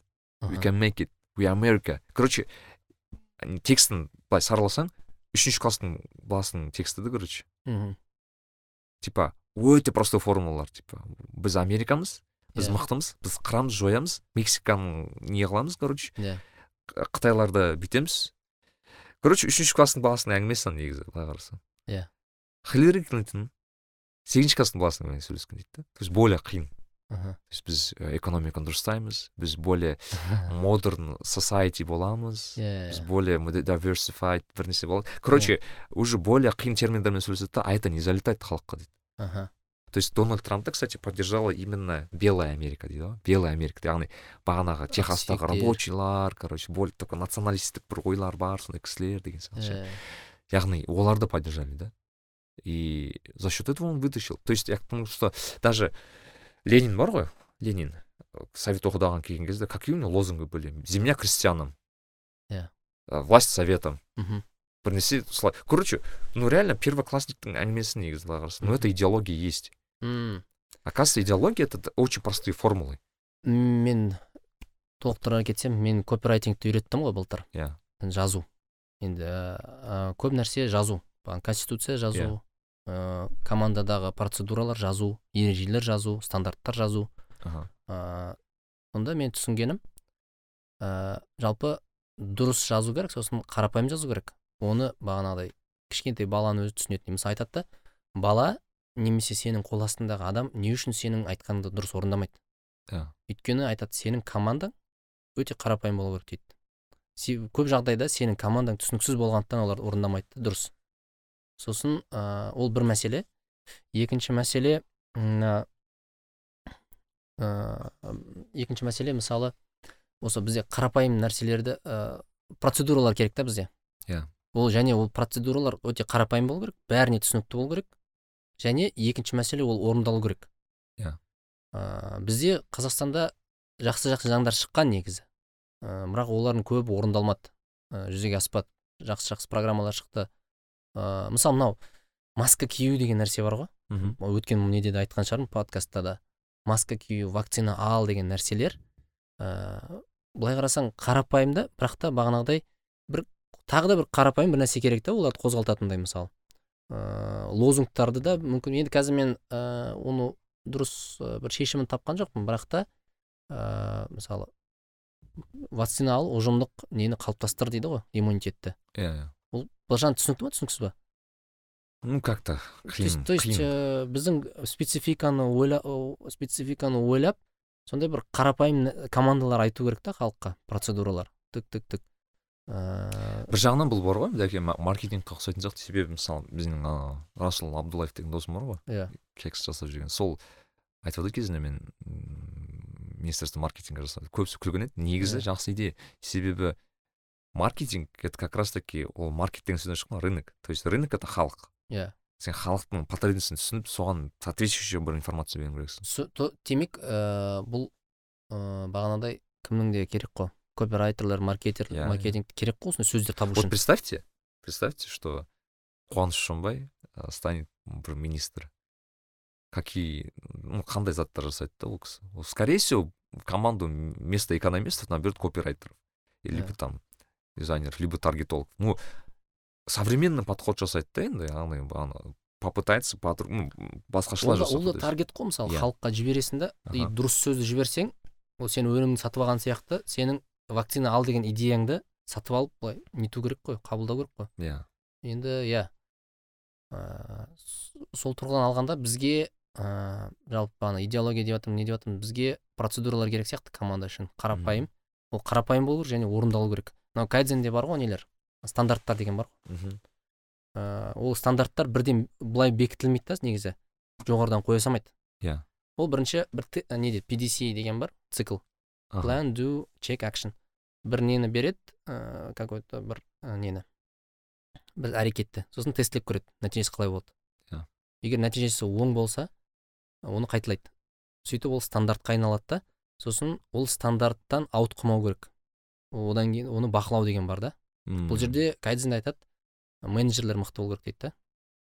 Негізі жапонияда да кайдзен енгізген кезде қиындықтар болған. Жапон жұмысшылары халқы оны қабылдамай бірақ та ә, кімдер? Е, сол кайдзенді енгізген менеджерлер бастапқы кезде мықты болды да. Олар сөйтіп халықты тәрбиеледі. Демек мен ойымша ә, бұл жерде бізде сондай бір халықты тәрбиелейтін адамдар керек та. Мынау кімді де немістерде осындай пунктуальный болуына да кімнің ықпалы болды деді ғой бір фридрих те ма бір иә, бір иә. кісінің. Аха. Ол демек бір ұлтты тәрбиелеген солай сондайға. Демек мен ойлаймын мүмкін бізге бағана идеология тұрғысынан қарайтын болсақ сондай сондай мықты мықты менеджерлер керек та. Бізде көп жағдайда ә, бір ә, ережелер сақталмайды да. Оны сақтау өте қиын. Білесің ғой біз ана құран чат кітап чатын жасадық қой. Мхм. Сол кезде ол жерде де бір ережелер болды ғой. Былай істеуге болмайды былай істеуге болмайды деген сияқты. Ол жерде қиын болды иә мен админ болдым сол кезде мен үлкен бір жүк көрдім да ыыы ол да бір кішкентай ғана не ғой бір команда кішкентай ұйым бір ережелері бар сол кезде менің админ ретіндегі сол жердегі менеджер ретіндегі міндетім ережені сақтауын қатаң қадағалау және қуып кетпеу ауытқып кетпеу мхм сөйтіп сөйтіп байқадым ба біз басында сөйтіп қысып қысып неткеннен кейін уже адамдар өзі үйрене бастады да иә соңына қарай мен де энергия жұмсайтын болдым ей анау мынау деген сияқты сол сияқты ә, бір не керек та бізге. Халықты тәрбиелеу керек шығар мүмкін солай. Менеджер, мықты менеджерлер арқылы. Мысалы өткен жолы бізде мешітте жұмада анау қайта бер айта береді да апта сайын имам. Е маска киіңдер арақашық сақтаңдар. Бірақ әр апта сайын келе береді да адамдар. Мүмкін ә, одан сайын табанды бола беру шығар сөйтіп сөйтіп халық тәрбиеленеді да сондай бір идея келіп тұр енді. Яғни андай бар ғой тоже маркетингте сен бір месседжді үш рет айтуың керексің иә иә иә. Сондай ғой. Иә ол ыыы сондай енді ол ол мысалы жапондарда ондай идеальный болып кеткен жоқ негізі. Мен байқа оқысам тарихын оларда мысалы кайдзенді ыыы тез қабылдамаған бір нелер болған. Бірақ бағанағыдай менеджерлері мхм. оларды қатаң ұстап ережелерді стандарттарды қатаң ұстап маған осы жағы тәрбиелеген сияқты. біз осы жайлы кім руслан берденов ағамыз күшті айтқан еді да. Мынандай сөз айтты да. Байқасаң дейді да. Вот мысалы бөзек бөзек балаға бар дейді. Сұрашы. Мысалы сен кім болғың келеді. Айтады мен ыыы повар болғым келеді мен бағанағыдай білмеймін қандай мамандықтар бар өздері жақсы көреді ну короче белгілі бір мамандықты айтатынын келеді дейді да яғни мысалы мен повар боламын бірнәрсе істеймін анау бір мамандықты айтады дейді. Қазаққа бар дейді қаласына кім боласың десем бастық боламын деп дейді сразу. И это неплохо дейді. То есть это наоборот жақсы дейді. Просто бастық болу это же менеджерство. Иә. То есть оған мен менеджер болғым келеді деген сөз дейді да. Яғни мен басқаратын адаммын дейді. Яғни мен айтқым келгені что мүмкін қазақтарға именно менеджментті үйрету керек дұрыс. Яғни бізде изначальный не? Амбициямыз. Амбициямыз менеджер болу да негізі. Менеджер деген жаман сөз емес. Наоборот жақсы сөз. Менеджер это значит менеджер деген сөзден шыққан басқару деген сөзден шыққан ғой. дұрыс амбицияны дұрыс бағытқа бұру. Иә яғни сен балаға менеджер бастық болғысы үйрет менеджментті. Теория менеджментті үйрет оған. Қалай басқару керек как коллективті біріктіру керек как там бірақ бұл бастық болу дегеннің артында андай ой жатқан жоқ па? Типа мен бастық боламын отырамын қол астымдағылар жүгіріп жүреді мен мүмкін ондай да бар шығар бірақ ә, балаға да үйретуге болады оған типа. Бастық деген ол реально емес. Мүмкін ол баланы түсіндіргеннен кейін бастық болғысы келмейтін шығар уже. Иә. Мен жақты просто айтқым келген анау біз айтып отырсыз ғой мысалы. Біз қазір есіңізде болса қазақ тіліне нені бір программирование кітапты аударып отырмыз. Иә. Кім айналыс айналыс адамдар бар ма? Айналысатын э, иә. Короче изначально мен сол аман утемуратов алибек татбаев темірлан мұсаев и алмат деген. Мхм кейіннен алмат деген үш осы бес баламыз өзіміз. Мхм үшеуміз үшеуі гуглдан екеуі букингтан сондай бір қазақтар бағана жаны ашып жүрген қазақтар ыыы бір кітапты алдық и мен просто есімде болды да что мектепте вот реально бірде бір программирование қазақ кітабы жоқ нормально жазылған. До сих пор. То есть қанша жылымыз отыз жыл болды ма? Информатика кітаптар бар ғой. Иә. Сіз ашып көрдіңіз бе бір хотя бы? Оқыдық қой иә. Қалай түсінікті болды ма сізге? Жоқ. Вообще түсініксіз иә енді ол компьютерді мен жұмыс істемегеннен анау құрғақ сөздер болып көрінеді да. Кітап білмеймін ол кітап көмекші не живой да тіл потому что потому что человек который переводил соның бәрін аударған кісі он не думал об этом. Оған айтты аударып бер ну ну ладно аударып беремін. И біз ойладық блин по идее бізде ақша жетеді. Могли бы нанять да переводчика сказать вот кітап маған аударып бер. Но это та же будет проблема. Тіл болмайды. Халықтың оқу керек қой уже. Мен что сделали? Мен короче ана кітапты алдық авторына жаздық. Мхм письмо кәдімгі официальный ағылшынша кәдімгідей біз осылай осылаймыз шет елде жүзбейтін қазақтармыз бізде вот қазақ тілінде ешқандай кітап жоқ вот сіздің кітабыңызды аударғымыз келіп еді разрешение бересіз бе? Ол кісі жақсы разрешение беремін деді. Мхм. Ыыы потом біз айттық окей біз қалай аударамыз деді? Біз комьюнитимен аударамыз яғни халық болып аударған қаладық да өйткені халық тілді біледі ғой. Википедия солай аударылады кстати. Википедияны аударатын адам жоқ отдельно оны адамдар аударады өздері. За это википедияны оқу нормально. Мхм. Ыыы сонымен ойладық біз значит халыққа аудару керек. И ә, ойландық блин біз халықты окей жинаймыз. Иә мысалы халықты жинаймыз. А как біз дальше будем работать? Қалай біз дальше аударамыз ол кітапты процесс қандай болады? Біз процессті білмейміз даже біз өмірде кітап аудармағандығымыз. Иә. То есть и мы что сделали? Ә, біз не начали набирать народ. Біз просто айттық мен жаздым пост там бір екі аман жазды пост. Айттық осылай да осылай біз хотим кітап аударуға ә, аударған кезде мына гугл форманы толтырыңдар мхм оны бәрі толтырды. Қанша адам гугл форманы біраз адам толтырды где то бір екі жүзге шамамен адам толтырды да. екі жүз адам. Бірақ оның бәрі қатысады деген сөз емес просто қызығушылығын білдірді иә. Толтырды. Жоқ ағылшынша білетін болып тұр олар. Ну да как минимум. Ыыы толтырды а потом біз сразу бастап кетуіміз давай аударайық деп. Бірақ біз процессті білмейміз әлі. Біз не істедік? Біз айттық окей біз давайте өзіміз аударып көреміз сначала вот это кстати главный момент менеджментта сен егер бір процессті енгізгің келсең сен өзің сол процессті жүріп өтуің керексің иә иә заново. Иә и біз айттық окей қалай аударамыз? Бұл гугл доксіне аударамыз ба? Ана латех деген форматта аударамыз ба? Білмейміз начали изучать короче. Платформалар таптық. Потом окей а как мы тасктарды қалай қоямыз? Мыналарды қалай қоямыз? И апта сайын бізде осындай не болады. Созвондар болды балалар осы апта там тасктарға емес мына сен мынаны істе сен мынаны істе сен мынаны істе потом айтады оказывается бізге глоссарий керек екен потому что терминдерді мысалы цикл деген сөзді қалай аударасың сен немесе бағанағы permutations деген сөз бар ағылшын тілінде. Қалай аударасың бар ғой? Ыыы бір жігітпен подкаст түсірген аман үшеуің иә иә ол жігіт нұрлан қатысты нұрлан. Иә иә. Жоқ ол енді көмектесіп отыр. Енді ол жігіт ыыы мысалы қазақша түсіндіреді ғой қол астындағы жігіттерге. Иә иә. Ол оны да тыңдап көру керек сияқты. Өйткені ол иә. мысалы болады ғой мысалы. Ол мысалы цикл дегенде аудару десең ә, циклды аударуға тырыссаң ол ыыы андай қиын қиындатып жіберуі мүмкін да қабылдаушы адамға.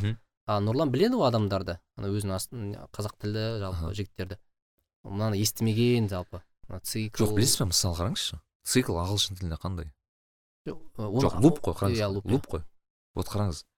Вот бір понятное дело компьютер сайенс ағыл- америкадан шыққан. Иә. соответственно бір жігіт отқанда ашқан кітапты. Луп деп жазылып тұр айтады. Луп деп қалай түсіндіремін цикл болсын дейді. Иә потом ол барады да цикл деп айтып түсіндіреді аналарға. Дұрыс сол- сияқты жоқ ол потом аналар айтады ғой че то біртүрлі ғой цикл деген естіледі. То есть я к тому что орыстарға басында түсіндірген тоже қиын болды.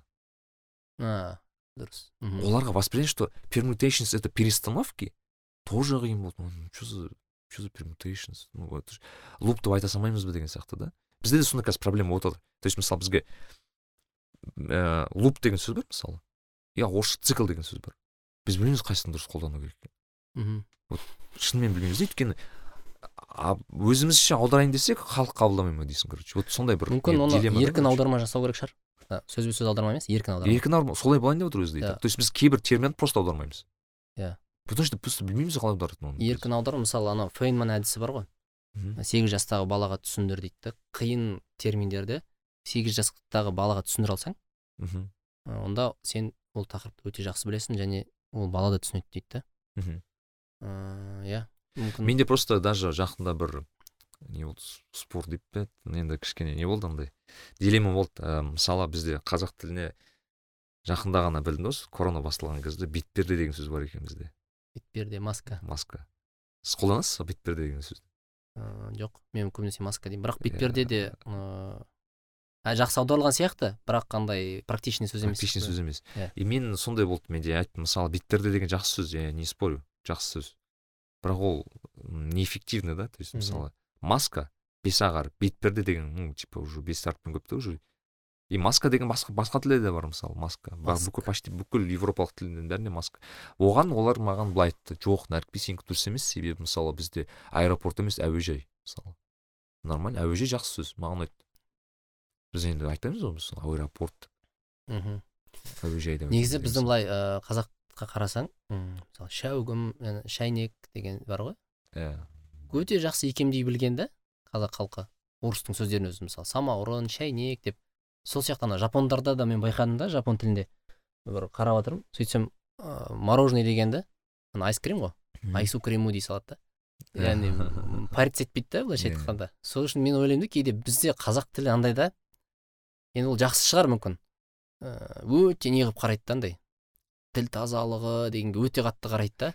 Анау бір жам ана бі- бізден түрпідей көрінеді ғой мысалы. О- мысалы қырғыздарда сентябрь дей береді да. Иә иә. Бізде анау қыркүйек болмаса анау ә, көзге түрпі дейді бәрі идеально болып тұру керек та сөздер. Ыыы сол тұрғыдан алғанда ана кейде ойлаймын бізге бір практичный жағын ойлау керек маған мысалы шын айтайын мен қазақ тілді адаммын иә мен өмір бақи тек қазақ тілінде сөйлеймін. Бірақ маған мысалы аптаның күндері орысша айту қайта жеңілді себебі понедельник деп маған дүйсенбі деп айту шын айтайын қиын. Өйткені мысалы мен шатасамын шын айтқан кезде кейде так там дүйсенбі сейсенбі сәрсенбі бейсенбі а четверг бейсенбі екен ғой деп. Өзім тупить етіп тұрамын да осылайша. Бірақ енді біздікі ыыы не логика бар да? Мына дей Иә. дей деген бар ғой нелерде Иә. ағылшындарда. Иә. Ана познер айтып еді орыс тілінде вообще логика жоқ дейді да? Мысалы апта күндерін қарашы дейді понедельник вторник среда четверг дейді да. Аналарда не ғой? Дей дей дей деп кете береді ғой. Сол орыс тілінде логика жоқ дейді да сол сияқты. Қазақ тілінде логика болып тұр ғой енді сол тұрғыдан қарасаң. Иә. дүйсенбі ыыы бірақ бізде жұма бар ғой. Жұма бар. Жұма ғана не да есте қалады. Машалла болсын ойлаймын да жұма деген сөзді жақсы енгізген деймін да бізде как раз енді араб тілінен мен мысалы менің қайын жұртым неден ғой монғолиядан ғой. Аха. Оларда күшті да андай. Бірінші ай- бірінші күн дейді сосын жетінші ай дейді. Болды. Сондай ма? Мысалы с- қыркүйек анау мынау емес тоғызыншы ай. Жақсы ғой мысалы. Шынымен ба солай иә мысалы ыыы мысалы бірінші күн бірінші күн понедельник та уже. Иә. Ыыы мысалы оныншы ай бізде жазамыз ғой мысалы. Нүкте біз ә, қазан деп жазбаймыз ғой. Біз он деп жазамыз ғой көп жағдайда. Аха. Жеті он екі мың жиырма бір деген сияқты. Аха. То есть андай жаңа қарапайым қылу керек сияқты да кейде. Мысалы мысалы мен саған айтсам ә, біз білесің ба? Кейінгі подкастымызда он екінші айдың жиырма жетісінде жазып едік десек. Сразу санаңа келді ма? келді де а бүйтіп айтсам жиырма жетінші желтоқсанда десем енді бәрі де сен санға айналдырасың ғой миыңды. Конвертация болады мен желтоқсан деген сөз он екіге аударып Иә, салдым М, қарапайым. Аха. Ол жақтар енді таза қазақи ғой. Ол жақтарды тыңдасаң ыыы көп нәрсе жеңіл неткен да түсіндірген. Мүмкін анау кім ә, думан деген жігіт жүр ғой трейдер қазір. Аха аха. Ол ол деген қызық та оның тарихы. Ол моңғолиядан неге барған? Америкаға барған да. Иә. Сосын енді қазақстанға келіп тұр да бірінші рет. Енді мен ойлаймын да оның ә, қазақ тілі деген қандай қазақ тілі? Ерекше тіл шығар. Өйткені ана жақта ағылшын тілін мына жақта таза моңғолиядағы қазақ тілімен барды да. Мынау біздің ыыы калькамен аудармамен ластанбаған ми ғой былайша айтқанда. Мхм. Оны көбірек тыңдау керек сияқты да. Ол андай практичный жағын дейді ғой. Эффективный тиімді жағын ойлау керек сияқты ғой мысалы мен жақында таныс болдым анау мысырдағы біздің қазақтар мысырдағы қазақтармен таныс болдым. Ыыы тоже былай сөйлессең тоже тілі оларға енді ана тілі ана тілі енді қазақ тілі бірақ екінші тілі араб тілі болып кеткен ғой. Ы. тоже қызық та өте тіл тіл тыңдайсың ғой. Ерекше шынымен сол бізде қинамай ыыы былай нету керек. Практичный жағын іздеу керек та. Халық өзі таңдап алады ғой. Жеңілін білесіз ба түсініксін. неге кстати? Вот түсіндіріп өте простой примермен келтіремін неге тіл сондай болу керек? Себебі тіл это инструмент. Иә. Соны бірінші түсіну керек. Тіл это не идеология бірінші очередь. Тіл это инструмент. Инструмент егер актуальность сақталса иә. ол қолдана береді ол дами береді ол өзгере береді. Мысалы маған орыс тілінің бір ұнайтыны мысалы орыс тілде медуза немесе ыыы спортс ру деген сияқты сайттарға кіресіз. Тіл өте жаңа.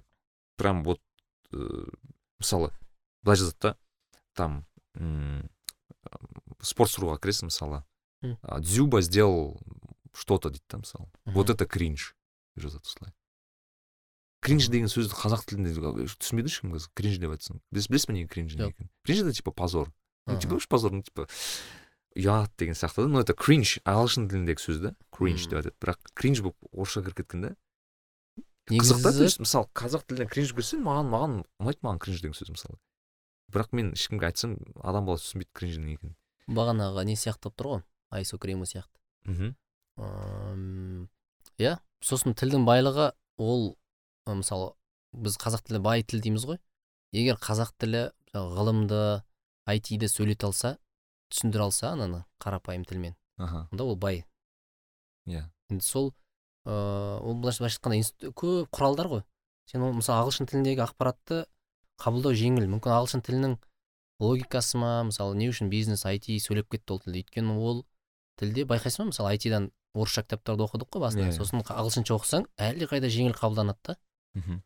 Ыыы тереңірек түсінесің кейбір тақырыптарды иә. Мысалы тек қана айти емес басқа салаларда да да.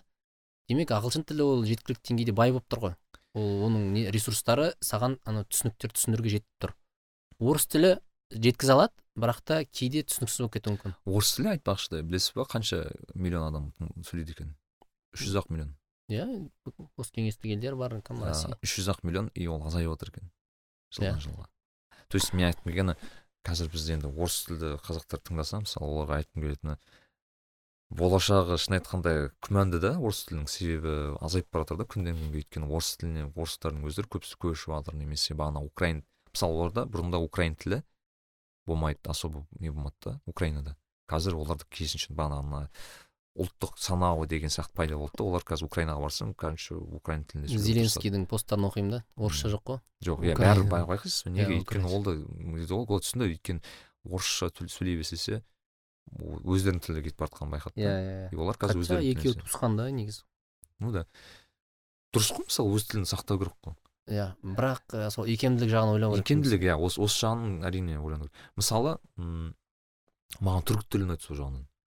А программ деп кете береді иә мысалы. Бірақ түр- түрік тілінің өзінің приколдары бар мысалы ыыы, программист деген олар да икемдеген ғой негізі. Иә программист деген сөзді олар қызық аударған ол қалай еді ыыы бірнәрсе мухандис деп аударған мұхандис ол арабша сөзден алған ғой иә иә. инженер. Э, қазір есіме түсіп жатыр а белгисаяр мухандисі. Компьютер несі инженер. Иә. Белгисаяр белгисаяр это компьютер типа олар үшін. А сен айти кітаптар оқып көрдің ба түрік тілінде? Жоқ оқымадым. мен ойлаймын мүмкін оларды оқып көру керек шығар. Мысалы олар аударылған жақсы. Ана сен ана сен кітап не бар ғой? Аудар аударып жатқан кітаптарың бар ғой аударған ба түрік тіліне кажется аударылған мүмкін соны түрік тілінде қалай аударғанын оқып көру сияқты өйткені ол иә. бәрі де ұқсайды ғой түрік тілі бізге мхм. ыыы біз енді қазақтың дүниетанымына да жақындатып мысалы мен анау алдында қаржы сауаты туралы білесің ба шалқар деген акция дегендерді немен түсіндіріп едім ғой иә иә қоймен түсірдіңіз иә иә? енді ол өзінше бір қаншалықты дұрыс болғанын білмеймін бірақ бұл да бір әрекет та сондай нәрселерді ыыы жақындатып түсіндіру Мхм. яғни егер мен аудара салсам ол басқаша эффект болатын еді бірақ қазақтың дүниетанымына сай етіп ыыы аударып сол сөздерді кейбір икемдеп кейбір аудармайтын сөзді қалдыра сап мүмкін ыыы сөйтіп істеген дұрыс па деймін да? Нарик Билай. мен сұрағым келген ше дәке сіз ііі осы жылы ыыы біраз жерде біраз елде болдыңыз иә? Мхм ну елде дегенде яғни Қалада. қала- қалаларда. Қазақстан қала мен шын айтайын көп жерде болмадым Иә. Ә, қазақстанның. Жалпы сіз көп жаңа қалаларды көрдіңіз жаңа региондарды көрдіңіз. Жалпы қандай не болды әсер болды жалпы қазақстан ішін аралаған кезде? Ыыы мен осы жылы мен қазақстанда болмаған екі облыста болдым. Ол маңғыстау облысы сосын батыс қазақстан енді қалған ақтөбеде атырауда қызылордада болған бұған дейін. Шымкентте болдық. Ыыы сонда менің байқағаным енді ол бірінші менің ойымша ішкі туризмнің ыыы жалпы ішкі қазақстанның қалаларын аралаудағы бір үлкен маған ы, берген сезімі ол мына жердің і иесі менмін ғой деген сияқты бір сезім келді да. Осы қазақстан кең байтақ жері деген сияқты. Сосын бағана идеология деп жатырмыз ғой. Сол идеяның бәрі содан кейін келді ғой. Яғни осы жердің бәрі қазақстан жері ғой енді. Ыыы сосын бағанағыдай неэффективный дейді ғой. Ыыы тиімсіз әрекеттерді жалпы әр қалада көргеннен кейін ыыы енді басқа жаққа қарағанда бәрі сырт көзбен қарайсың ғой. Мысалы ана оқырмандар клубын ашу деген бізде каспийдің жағасында жүрген кенет пайда болған идея ғой. Бізде басында ойлағанбыз тек қана ақтауда ғана ашамыз деп. Өйткені ақтауда бір ақ кітапхана бар екен. Ыыы сосын ыыы ол- оның өзіне адам көп бармайды екен. Бір, бір кітапхана бар деді әйтеуір. Сосын ойладым да өзімше енді ішімде бенджамин франклин оянып кетті. Несін оқып алғанмын ғой автобиографиясын. Ой Мхм. мына жерде несі ә, оқырмандар клубы болса деген сияқты. Ыыы ақтауды оқ- оқ- оқитын қалаға айналдырайық деген сияқты бір амбициозный бір идеялар пайда болды да яғни ә, сенде бір қазақстанды көргеннен кейін енді алматы мен астанаға қарағанда басқа қалалар енді ол дамымай жатқанын сен көре аласың бірден Мгм. бірақ ә, со- со- соны көргеннен кейін сенде бір осыны дамытайын мына жердің иесі менмін ғой деген сияқты бір, бір жауапкершілік бір сондай бір, ә, бір нелер пайда болады идеялар пайда болады екен Мгм. Сосын қазақстанды одан сайын жақсы көре бастайсың. Қазақтардың әртүрлілігін көре бастайсың. Олар да қазақ қой деген сияқты. Қазақша сөйлеп жүр ғой деген сияқты. Мгм. сол бірлікті байқайсың. Сосын ә, бірақ ә, мен мысалы бұдан жеті жыл бұрын а жеті жыл сегіз жыл бұрын болғам атырауда ақтөбеде. Қазір байқағаным көп қалаларда новостройкалар жүріп жатыр екен. Иә иә. Бір не бар да? Тіршіліктің бір несі бар. Бұрын өлі сияқты болып көрінетін. А қазір бір тіршіліктің нышаны бар бір ол қуантады. Ол қуантады. Әсіресе ақтау мен шымкент маған ыыы мына не әсер еткені бір, бір жаңа қалаларда бір тіршілік енді бір жаңадан бүр атып келе жатқан сияқты сондай бір ой қалыптасты. Сол, сол тұрғыдан бір қуаныш сезімі сыйлады. Мгм. Ә, енді әр қала әртүрлі ақтау басқаша маңғыстау облысы басқаша. Оның табиғаты бөлек сен мысалы қазір екі ай осындасың ғой. Барып келуге не беремін үлкен кеңес беремін. Мен сол бағанағы инстаграмда сіздің бозжырадағы суретіңізді көріп марс сияқты. Марс иә. Мен қатты таңқалдым ол кезде. Мынау қазақстанның жері. Былай қарасаң әдемі емес сияқты да ешқай жері. Бірақ өзінше бір әдемі. Эстетикасы бар өзінің иә. эстетикасы бар. Бұның бәрі қазақстан. Мен ы, одан бөлек маңғыстауда одан көп екен жерлер баратын. Мгм. біз үлгермедік тек қана бекет ата мен бозжыраны ғана көрдік. Одан бізге қараман ата ана жақ сосын дубай сияқты жері бар екен бір. Мм. ерекше екен табиғаты қысқасы. Сосын батыс қазақстан ұнады батыс қазақстанда орал қаласында. Климаты да жақсы бір. Ал былай халқы қандай екен? Енді халқы өте жақсы. Мен байқағаным студенттерге сабақ бердім ғой? Иә. Ыыы жалпы былай атырауда ақтауда төрт батыстың төрт қаласында болдым ғой. Қызылордада болдым. Ол қызылорданы да негізі бір нетке жатқызуға болады. Батысқа жатқызуға болады негізі. Қызылорда бір фифти фифти болып қалған ғой Микс. оңтүстік- пен батыстың иә. арасында. Сосын ыыы мен байқағаным мына орал ақтөбе жақ бар ғой. Жоғары жақтары ре- ресейге жақын. Ол жақтың балалары кішкене не екен? Интеллектуалдылау сияқты да бір. Интеллекті жоғарылау кішкене. Ә, бір несі бар? Интеллекті жалпы. Сондай болып көрінді маған. Не ғой просто орал европа ғой деп па? Білмеймін білмеймін. Ә, маңғыстауда ақтауда атырауда ондайды байқамадым қатты. М, бірақ жалпы байқадым. Ә, несі? Интеллекті кішкене ана жақтарда жоғарылау сияқты болып көрінді. Ақтөбе мен оралда. Ә, сондай. Жалпы батыста жақсы халқы да жақсы. Негізі қонақжай ақтауда әсіресе қонақжай халық ол дөрекілік деген ол білмеймін бір не сияқты? Ондай бір қатты.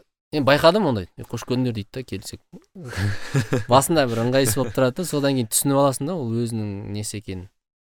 Сондай ерекшелік екенін. бірақ ол шынайы да ол шынайы да. Иә. Ә, сосын енді ә, қызылордада болып па едің сен? Болдым иә қызылорда қаласында иә? Или иә қаласында болдым. Қа- қашан болып едің? Так үш жыл бұрын шығар. Жай а кім? Айбектің тойында ғой? Иә иә бір досымыз бар авик деген. Ол кезде біз азақ болдық қой бір күн. Аха. Негізі қызылорда бар ғой ерекше жер екен ше. Мен мен жалпы қызылордалықтар зерттеп жүрмін да негізі былай. Аха. Сонда ол жақта мынандай да ә, ол жалпы бір микс жер да. Былай қарасаң оңтүстік пен ә, батыстың шекарасы. Екеуі де бар да. Оңтүстіктің де батыстың да элементтері бар ол жерде. Аха. Сосын одан бөлек бұл жерде мысалы бай- байқайсың ғой мысалы алматы облысы десе мынандай рулар көбінесе албандар там. иә иә.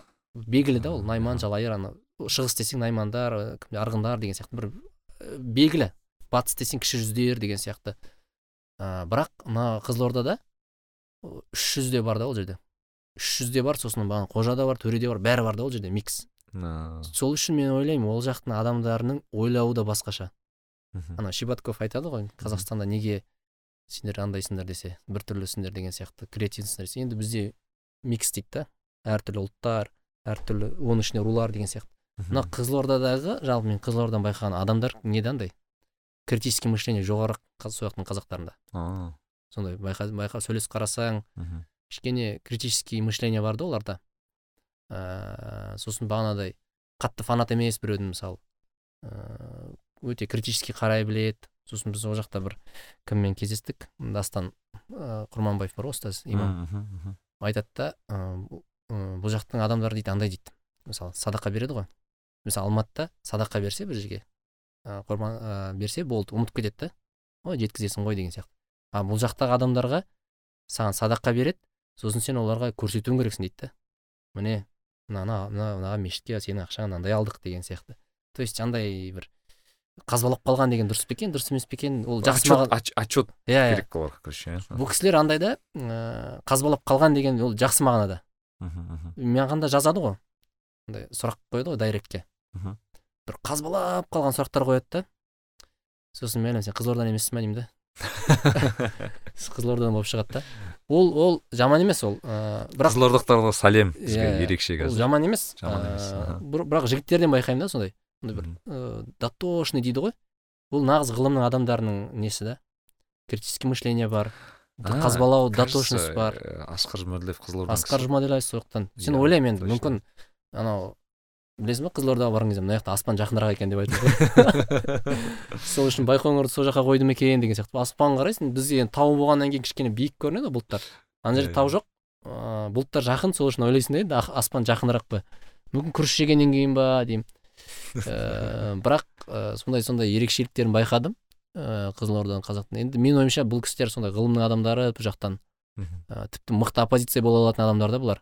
Хат мынандай иә өйткені бюджет қайда кетіп жатыр? Анау мынау деп қазбалайтын адам ол кісілерді ше қаржы министерствоға немесе сондай жерге қою керек сондай жерге қою керек. Именно андай жалпы кез келген министрлікке қоюға болады да. Ыыы дотошный. Бірақ бір қызығы мен жақында естідім анау аралда төтенше жағдай енгізді ғой. Мгм. ыыы мал қырылып жатыр иә иә иә. Сол кезде айтады да ол туралы ә, не бір ай бұрын пайда болған дейді да бұл не ұсыныс. Бірақ бюрократиямен анау мынау деген сияқты. Енді ол барлық жерде бар оны жоққа шығармаймын. Бірақ та қызылордадан байқағаным сондай. Ә, сол үшін енді қызылордалықтар қазаққа керек. Ә, енді бәрі емес енді менің байқағаным сондай болып тұр. Менің Иә, фильтрім иә. дұрыс емес шығар может. Бірақ ә, сондай нәрсені байқадым әр облыстан. Сіз э, сарыағашта болдыңыз ғой осы жылы? Сарыағашта болдым иә. Иә. медреседе. Медреседе. Э, абдуғаппар ұстаздардың иә. Ол жерде де бәрі қарапайым екен. Мешіт тұр. Мына жерде мешіттің жоғары жағында нелері тұр қабірлері тұр. Мхм. Қабір ештеңе қоршалмаған жай төмпешік болып тұр. Мхм. Ыыы мешітке қарама үйлері бар. шын айтайын осы пандемияның кезінде енді түрлі жағдайлар болды бірақ маған именно осы ұстаздың қайтқаны маған қатты әсер етті шын айтсам. Иә. Ыыы, маған екі екі ұстаздың қайтқаны әсер етті осы абдуғаппар ұстаз және шұбақ ажы ұстаз қырғызстандық. Ыыы бірақ ыыы ол бар. Ол енді ол кісілер жоқ. Бірақ қазіргі кезде ыыы мен мынандай нәрсені байқадым. Интернет қой енді ютубта тұр ғой ол кісілердің нелері мхм. Біз енді бәрін тыңдап шықтық деп айта алмаймыз ғой. Иә. Ыыы егер оларды қазір тыңдай бастасаң бағанағы олардың жоқ екені білінбейді да негізі. Мхм. Қысқасы ба, әлі бар сияқты. Мхм. сондай бір не қалыптасады мхм. Ыыы кім чубақ қажының өзі бір әзілдейтіні бар ғой. Ә, мен деген ы, бүйтіп үй, әйел айтады да мысалы бір әйел кісі айтады мен мешітке бара алмаймын анау мынау дейді сен қайтесің мешітке келіп сен үйден қоссай дейді да ютубта. Ютубты қос. Сосын мені қос мен сен үшін сөйлеп беремін дейді да үйіңде компьютеріңнен неден сосын тамақ бір нәрсе жасау керек болса мен тоқтат қой мен күте тұрамын сені дейді. Сосын тамағыңды жасап келгеннен кейін қайтадан қос қайтадан ары қарай сөйлей беремін дейді да. Сол сияқты енді ол кісілер ыыы өлді деуге бола ма айтыңдаршы өлмейтұғын артына сөз қалдырған дейді ғой.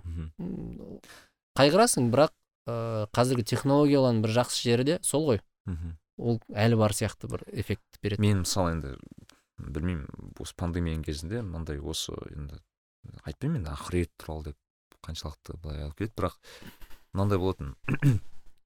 қанша деген біреу бірген кетеміз ғой бәріміз. И менде ой келетін қазір мен подкаст жасап жүрмін деген сияқты и андай ой келген.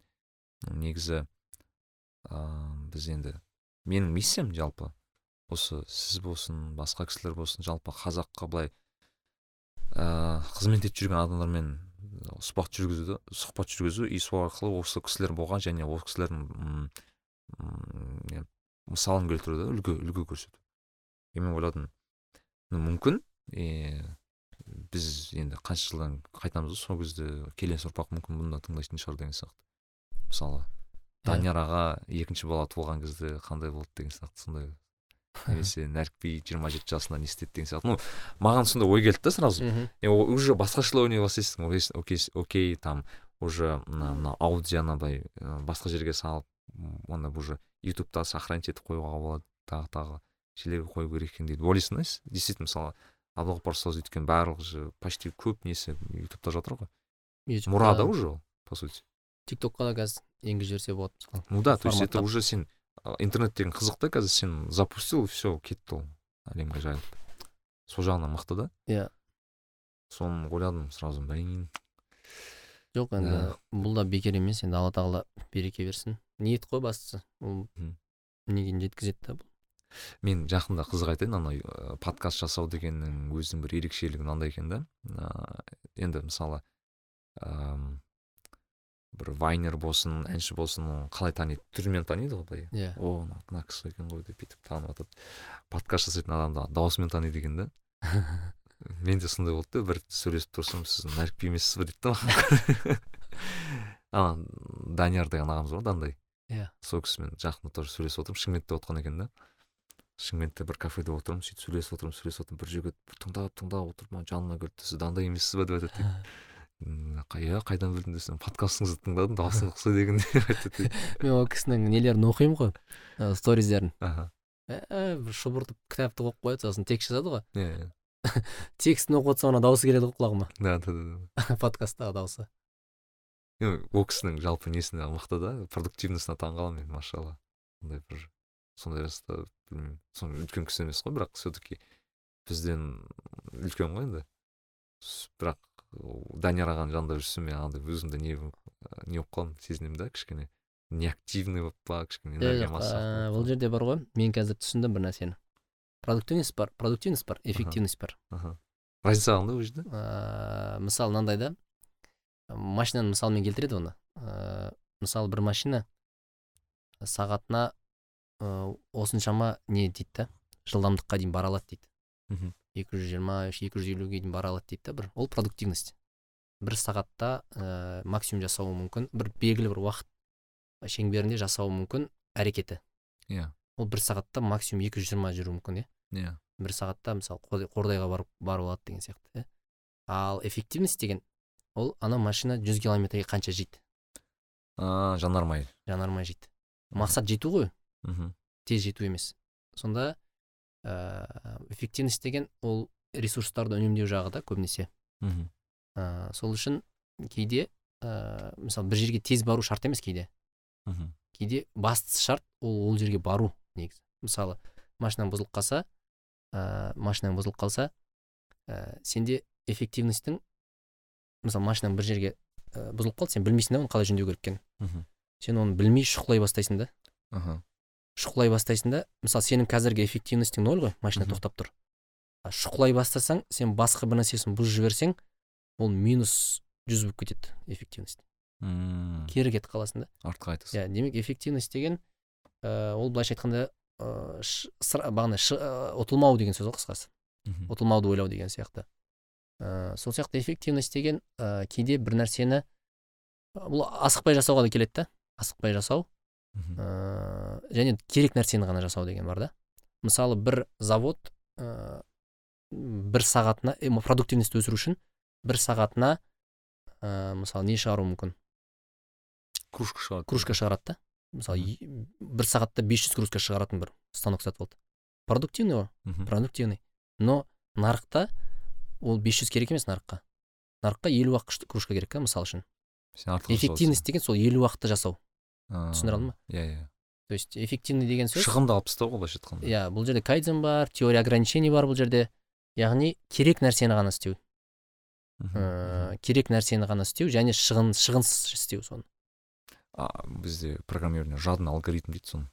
Жадный алгоритм. Да greedy algorithms дейді соны. Соған келіп тұр ғой. Сол иә мысалы балық аулаған кезде ол жерде продуктивный бола алмайсың да. Иә. Сенің балықты аулауың саған ғана байланысты емес. Мхм. Бірақ көп жағдайда сол жерде тыныш отырған адамға келеді да балық. Иә. Балықшылардың айтатын сөзі ғой енді. Мхм. Сонда сол сияқты да эффективность деген нәрсе. Ол бұл жерде уақытты сезу деген бар ыыы бағана кішкене духовный интеллект та бар бұл жерде. То есть шаба беру де кейде не да? Демалатын кезде демалып мысалы анау бір э, экономикада бір термин бар атын ұмытып тұрмын. Яғни сен белгілі бір шекке дейін ғана продуктивный бола аласың. Мхм. Одан кейін ассаң сен не боласың? Уже burnout кері қарай кете бастайсың. Мысалы ә, суғарған кезде гүлді. Егер оған көп құйсаң ана гүлді өлтіріп тастай өлтіріп тастайсың демек оның бір шегі бар да кез келген нәрсенің. Мысалы сен қазір отырып алып мен осыншама дайындаламын бір нәрсеге ұбт ға немесе бір ә, интервьюға дайындаламын десең мхм. ә, сенің бәрі де ол сен ана пикке жетесің бір өзіңнің жұмыс істеуіңнің. Одан ары қарай дайындалсаң сенде эффективность төмендейді.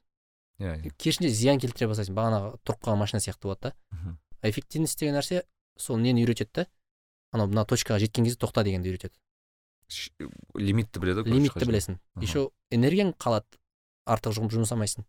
Бірінші жағынан эффективность дейсің да ананы Мм. қысқасы күшті түсіндірме екен мынау. ә, мен қазір продуктивный болуды қойдым. Ойлауды эффективный болуды ойлай бастадым. Мхм. Бұл жерде кайдзен мен бағана теория ограничений көмектеседі. Мүмкін соны жақсы түсіндіру керек шығар иә бізге қазір эффективный болу деген енді мен өзімше білгенімше насихаттап жүрмін. оны марғұлан аға да айтып жүр ғой оны көп.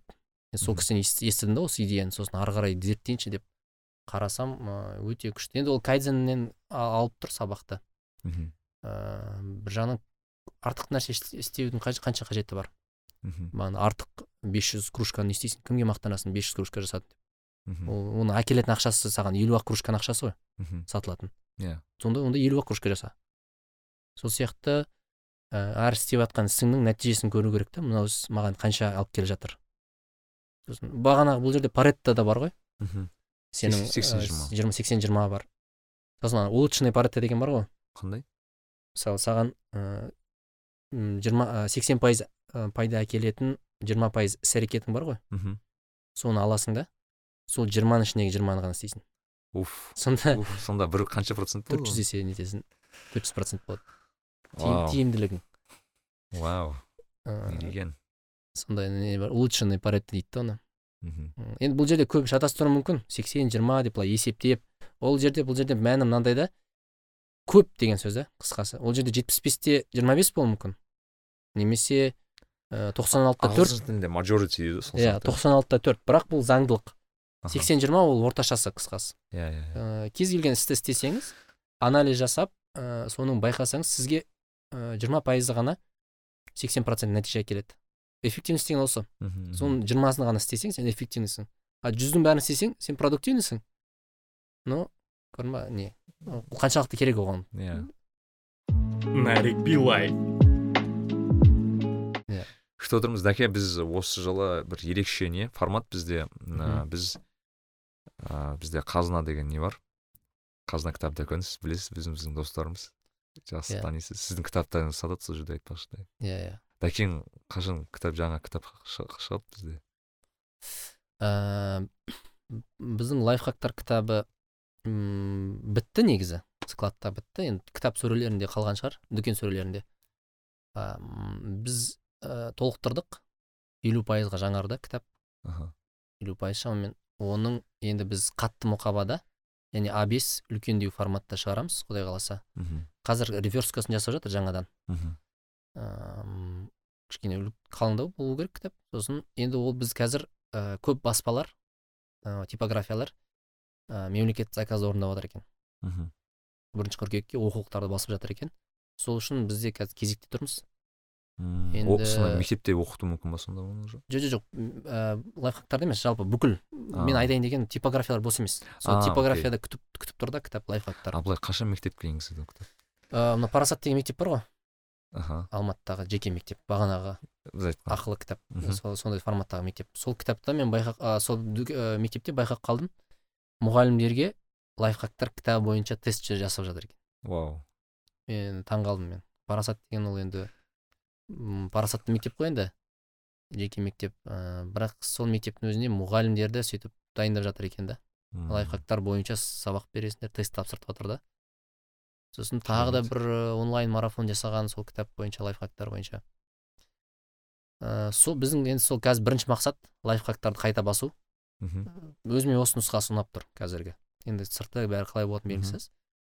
Бірақ әдемі болу керек. Ал жаңа қандай кітап күтеміз ә, жаңа кітап жаңа кітап сол енді ә, бір сторителлинг форматында болатын шығар. Бірақ әлі ол жазыла бастаған жоқ ол кітап. Ә, мүмкін бір бағанағыдай бір жарты жыл бұрын сіз бір бизнес жайлы осындай бір не жазған екен бизнес роман иә. Бизнес роман. Ә, енді ол әлі бір пісіп жетілген жоқ ол. Мүмкін бір түрткі керек болып жүрген шығар. Осы подкаст түрткі не бүйтейік ә, біз бар ғой келесі құдай қаласа жарты жылдан кейін тағы жазамыз да қайтадан осы сұрақты қоямыз. Да. дәке бизнес роман не болды деп. Эффективный болып жүрмін ғой енді өзінше продуктивный болсам жазып тастайтын едім. Иә иә. Қазына не болып кетті? а, вот соны қазына қазына жайлы айтқым келгені біз ә, кітап ойнатамыз. Осы құдай қаласа осы подкаст шыққан кезде үш кітап ойнатамыз. Енді бірақ мен өзім таңдап жүрмін да саған мынандай мынандай кітаптар ойнатқан дұрыс деп. Бірақ сіз таңдағаныңыз дұрыс шығар. Сіз қандай бір кітапты қазақ тілінде. Иә қазына тек қазақ тілінде. Тыңдармандар қазақ тілінде ғана кітап болады. Қазына кезеттен аласыңыздар болады. Доставка бәрі бар. Бірақ дәке қазір үш кітап бізге айтады. Мен э, обычно бір әдеби бір а, рухани және бір бір современный біздің қазақтың авторларын таңдаймын көбінесе. М, мен енді өз кітаптарымды айтсам бола ма? Мен егер өз кітабымды айт десе ә, лайфхактар. Аха. Лайфхактар бар шығар қазір қазынада барса бар болса береміз иә өйткені мен мынау подкаст тыңдаған адам мхм. былайша айтқанда менімен бір толқында адам шығар осы уақытқа дейін тыңдап келсе. Осы уақыт осы подкаст окей бүйтейік егер лайфхактар болса лайфхактарды ойнатамыз Иә. болмаса қандай кітапты ойнатқан дұрыс қазақ тілінде жеке дамуға қатысты иә кітап. Иә. Қазір қазір қазақ тілінде өзі бір көп емес те ондай кітап. Мүмкін ғани бауырымыздың ғани байғалиұлының Кайдзен. тренер кайдзен деген кітабы қазақ тіліндегі. Мхм. кішкене кайдзеннің не екенін жалпы өндірістегі бизнестегі кайдзен не екенін түсіне бастайды да. Оның орысша кітаптары бар жалпы к- ә, кайдзен туралы. Иә. бірақ ол кітаптар ауырлау сияқты. Мен өзім оқып көрдім. Ғанинің кітабы жақсы. Ыыы кіріспе ретінде жақсы Иә. давайте Әдеби әд- кітап. әдеби кітап әдеби мен өлең жазатыным бар еді ғой. Мхм. менің жыр жинағым шыққан. Мен әлемді көрмеймін сен сияқты деген. Мхм. сол кітапты ә, оқуға кеңес беретін едім мхм. ә, бола ма? Өз кітабымды ұсынсам иә. әрине. Өлең кітаптар өлең кітап рухани тағы менің кітабымды десеңізші рухани кітап жазбаппын. Рухани кітаптардан м, рухани кітаптан жүректің сырлары бар. Имам әл ғазали діни кітап сатамын олар. Иә иә сол кітапты имам ғазали иә керемет кітап Көкжиек имам ғазали самый хайповый не екен ғой кітап екен ғой актуал ғой әлі ең. Удивительно да по идее имам ғазали қай жылы жазсын қай ғасырда жазсын бұл бұл имам ғазали бізден он ғасыр бұрын өмір сүрген. Он ғасыр ма? Он қателеспесем бірінші ғасырда өмір сүрген сонда иә сондай. Қалай сондай дейді? Он бір ғасыр бұрын өмір сүрген адамның кітабын әлі оқып жүрміз. Енді ол оның өзекті болуы ол құран мен хадистен алып тұр ғой. Сол үшін ол өзекті бола береді мысалы егер кез келген бір тақырып бір кітап егер құран мен хадистің арасында болса ол актуальность ешқашан кетпейді. Иә ол мысалы ә, халықтың мысалы біздің мақалдарымызда бар ғой. Мхм. Мақалдар бар нақыл сөздер. Олар не үшін бізге дейін жетті? Себебі олар қаншама заман бойы сүзгіден өтіп бізге жетіп тұр ғой. Демек оны ұрпақтар сүзгіден өткізіп бізге жеткізді. Демек олар әлі де өзекті нәрселер деген сөз. А Мгм. керекті емес сөздердің бәрі қалып қалды. Мхм ә, құран хадис ол классика мысалы. Енді алланың өзінен келіп тұрғаннан кейін ол біледі ғой біздің табиғатымыз негізі ә, кез келген нәрсе ол бұрын айтылған ғой. Қазір біз айтып жүрген нәрсеміздің бәрі бұрын айтылған. Мхм бірақ ә, жаңа авторлардың жаңа ә, ойшылдардың сөздері тек қана халықты халыққа соны есіне салу болды. Иә. М, мысалы біздің подкастта айтылған әңгіменің бәрі бұл бұрынға бұған дейін айтылған негізі. Бірақ мүмкін ұмытылып қалған шығар мүмкін жаңа форматта басқашалай беріп отқан жоқпыз яғни мысалы андай бар да ақпарат деген понятие бар да. Және ақпаратты жеткізу форматы бар да еще. Иә. То есть мысалы біз айтып отқан әңгіме скорее всего бір кітапта жазылған немесе бір подкастта айтылған немесе бір видеода бар. Иә. Бірақ біз оны жинап беріп отырмыз да қазір. Иә.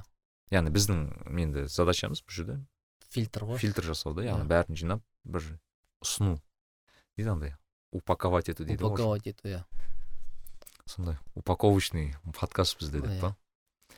Сондай? Дәке қандай осындай формат бүгінгі? Ә, өте керемет. Бетпе бет сөйлесу басқа. Иә. Ә, біз бұған дейін онлайн сөйлестік қой зуммен. Ә, ол жерде енді біртүрлі ғой компьютердің бетіне қарап отырып. Оның өзінде де сен бетіңді шығармайсың ғой бүйтіп иә иә. Бұл маған ұнайды мына тірі формат. Тірі формат күшті да? мен енді тыңдарман мына жақта видео жоқ бірақ суретті көрсетемін. Біз қалай күшті отырмыз негізі. Иә. Так ә, бізде в принципе осы ам, біздерге ә, не осы ә, подкаст эпизодын біріншіге шығаратын шығарамыз енді дәке сондай. Құдай қаласа осы подкастты ә, бөлісіңіздер тыңдаңыздар. М, пайдалы болса қазақ тілінің мәртебесін көтереді деп ойлаймын бұл бұл подкаст. Көбірек адам тыңдаса жақсы ғой енді руслан берденовтен озып кетсек маған ештеңе айтпайтын шығар бірақ біз екеуін тағы бір шақыру керек просто ә, бізге рекорд жасау керек болып тұр иә ә, енді рекорд болғанда көп адам тыңдаса әңгімеміз пайдалы болса басқа қазақтар естісін десеңіз иә таратыңыз таратыңыздар бізге жазыңыздар бөлісіңіздер дәкеге жазыңыздар иә ә, кітапты ұтып алу үшін ә, біздің инстаграм постымыз болады сол жерде шарттар жазылады дәке айтқан үш кітапты құдай қаласа қазына kz кітап дүкені арқылы ойнатамыз вот жалпы дәке көп рахмет. Рахмет. Осындай бір керемет уақыт өткіздік. Екі сағат отырдық бірақ екі сағат ұша кетті бізде. Иә. иә сіздерге де рахмет. Ә, бөлісе жүріңіздер бәріңізге сау саламатта болыңыздар. Сау болыңыздар. Нарик билай кәсіби және рухани даму жайлы подкаст.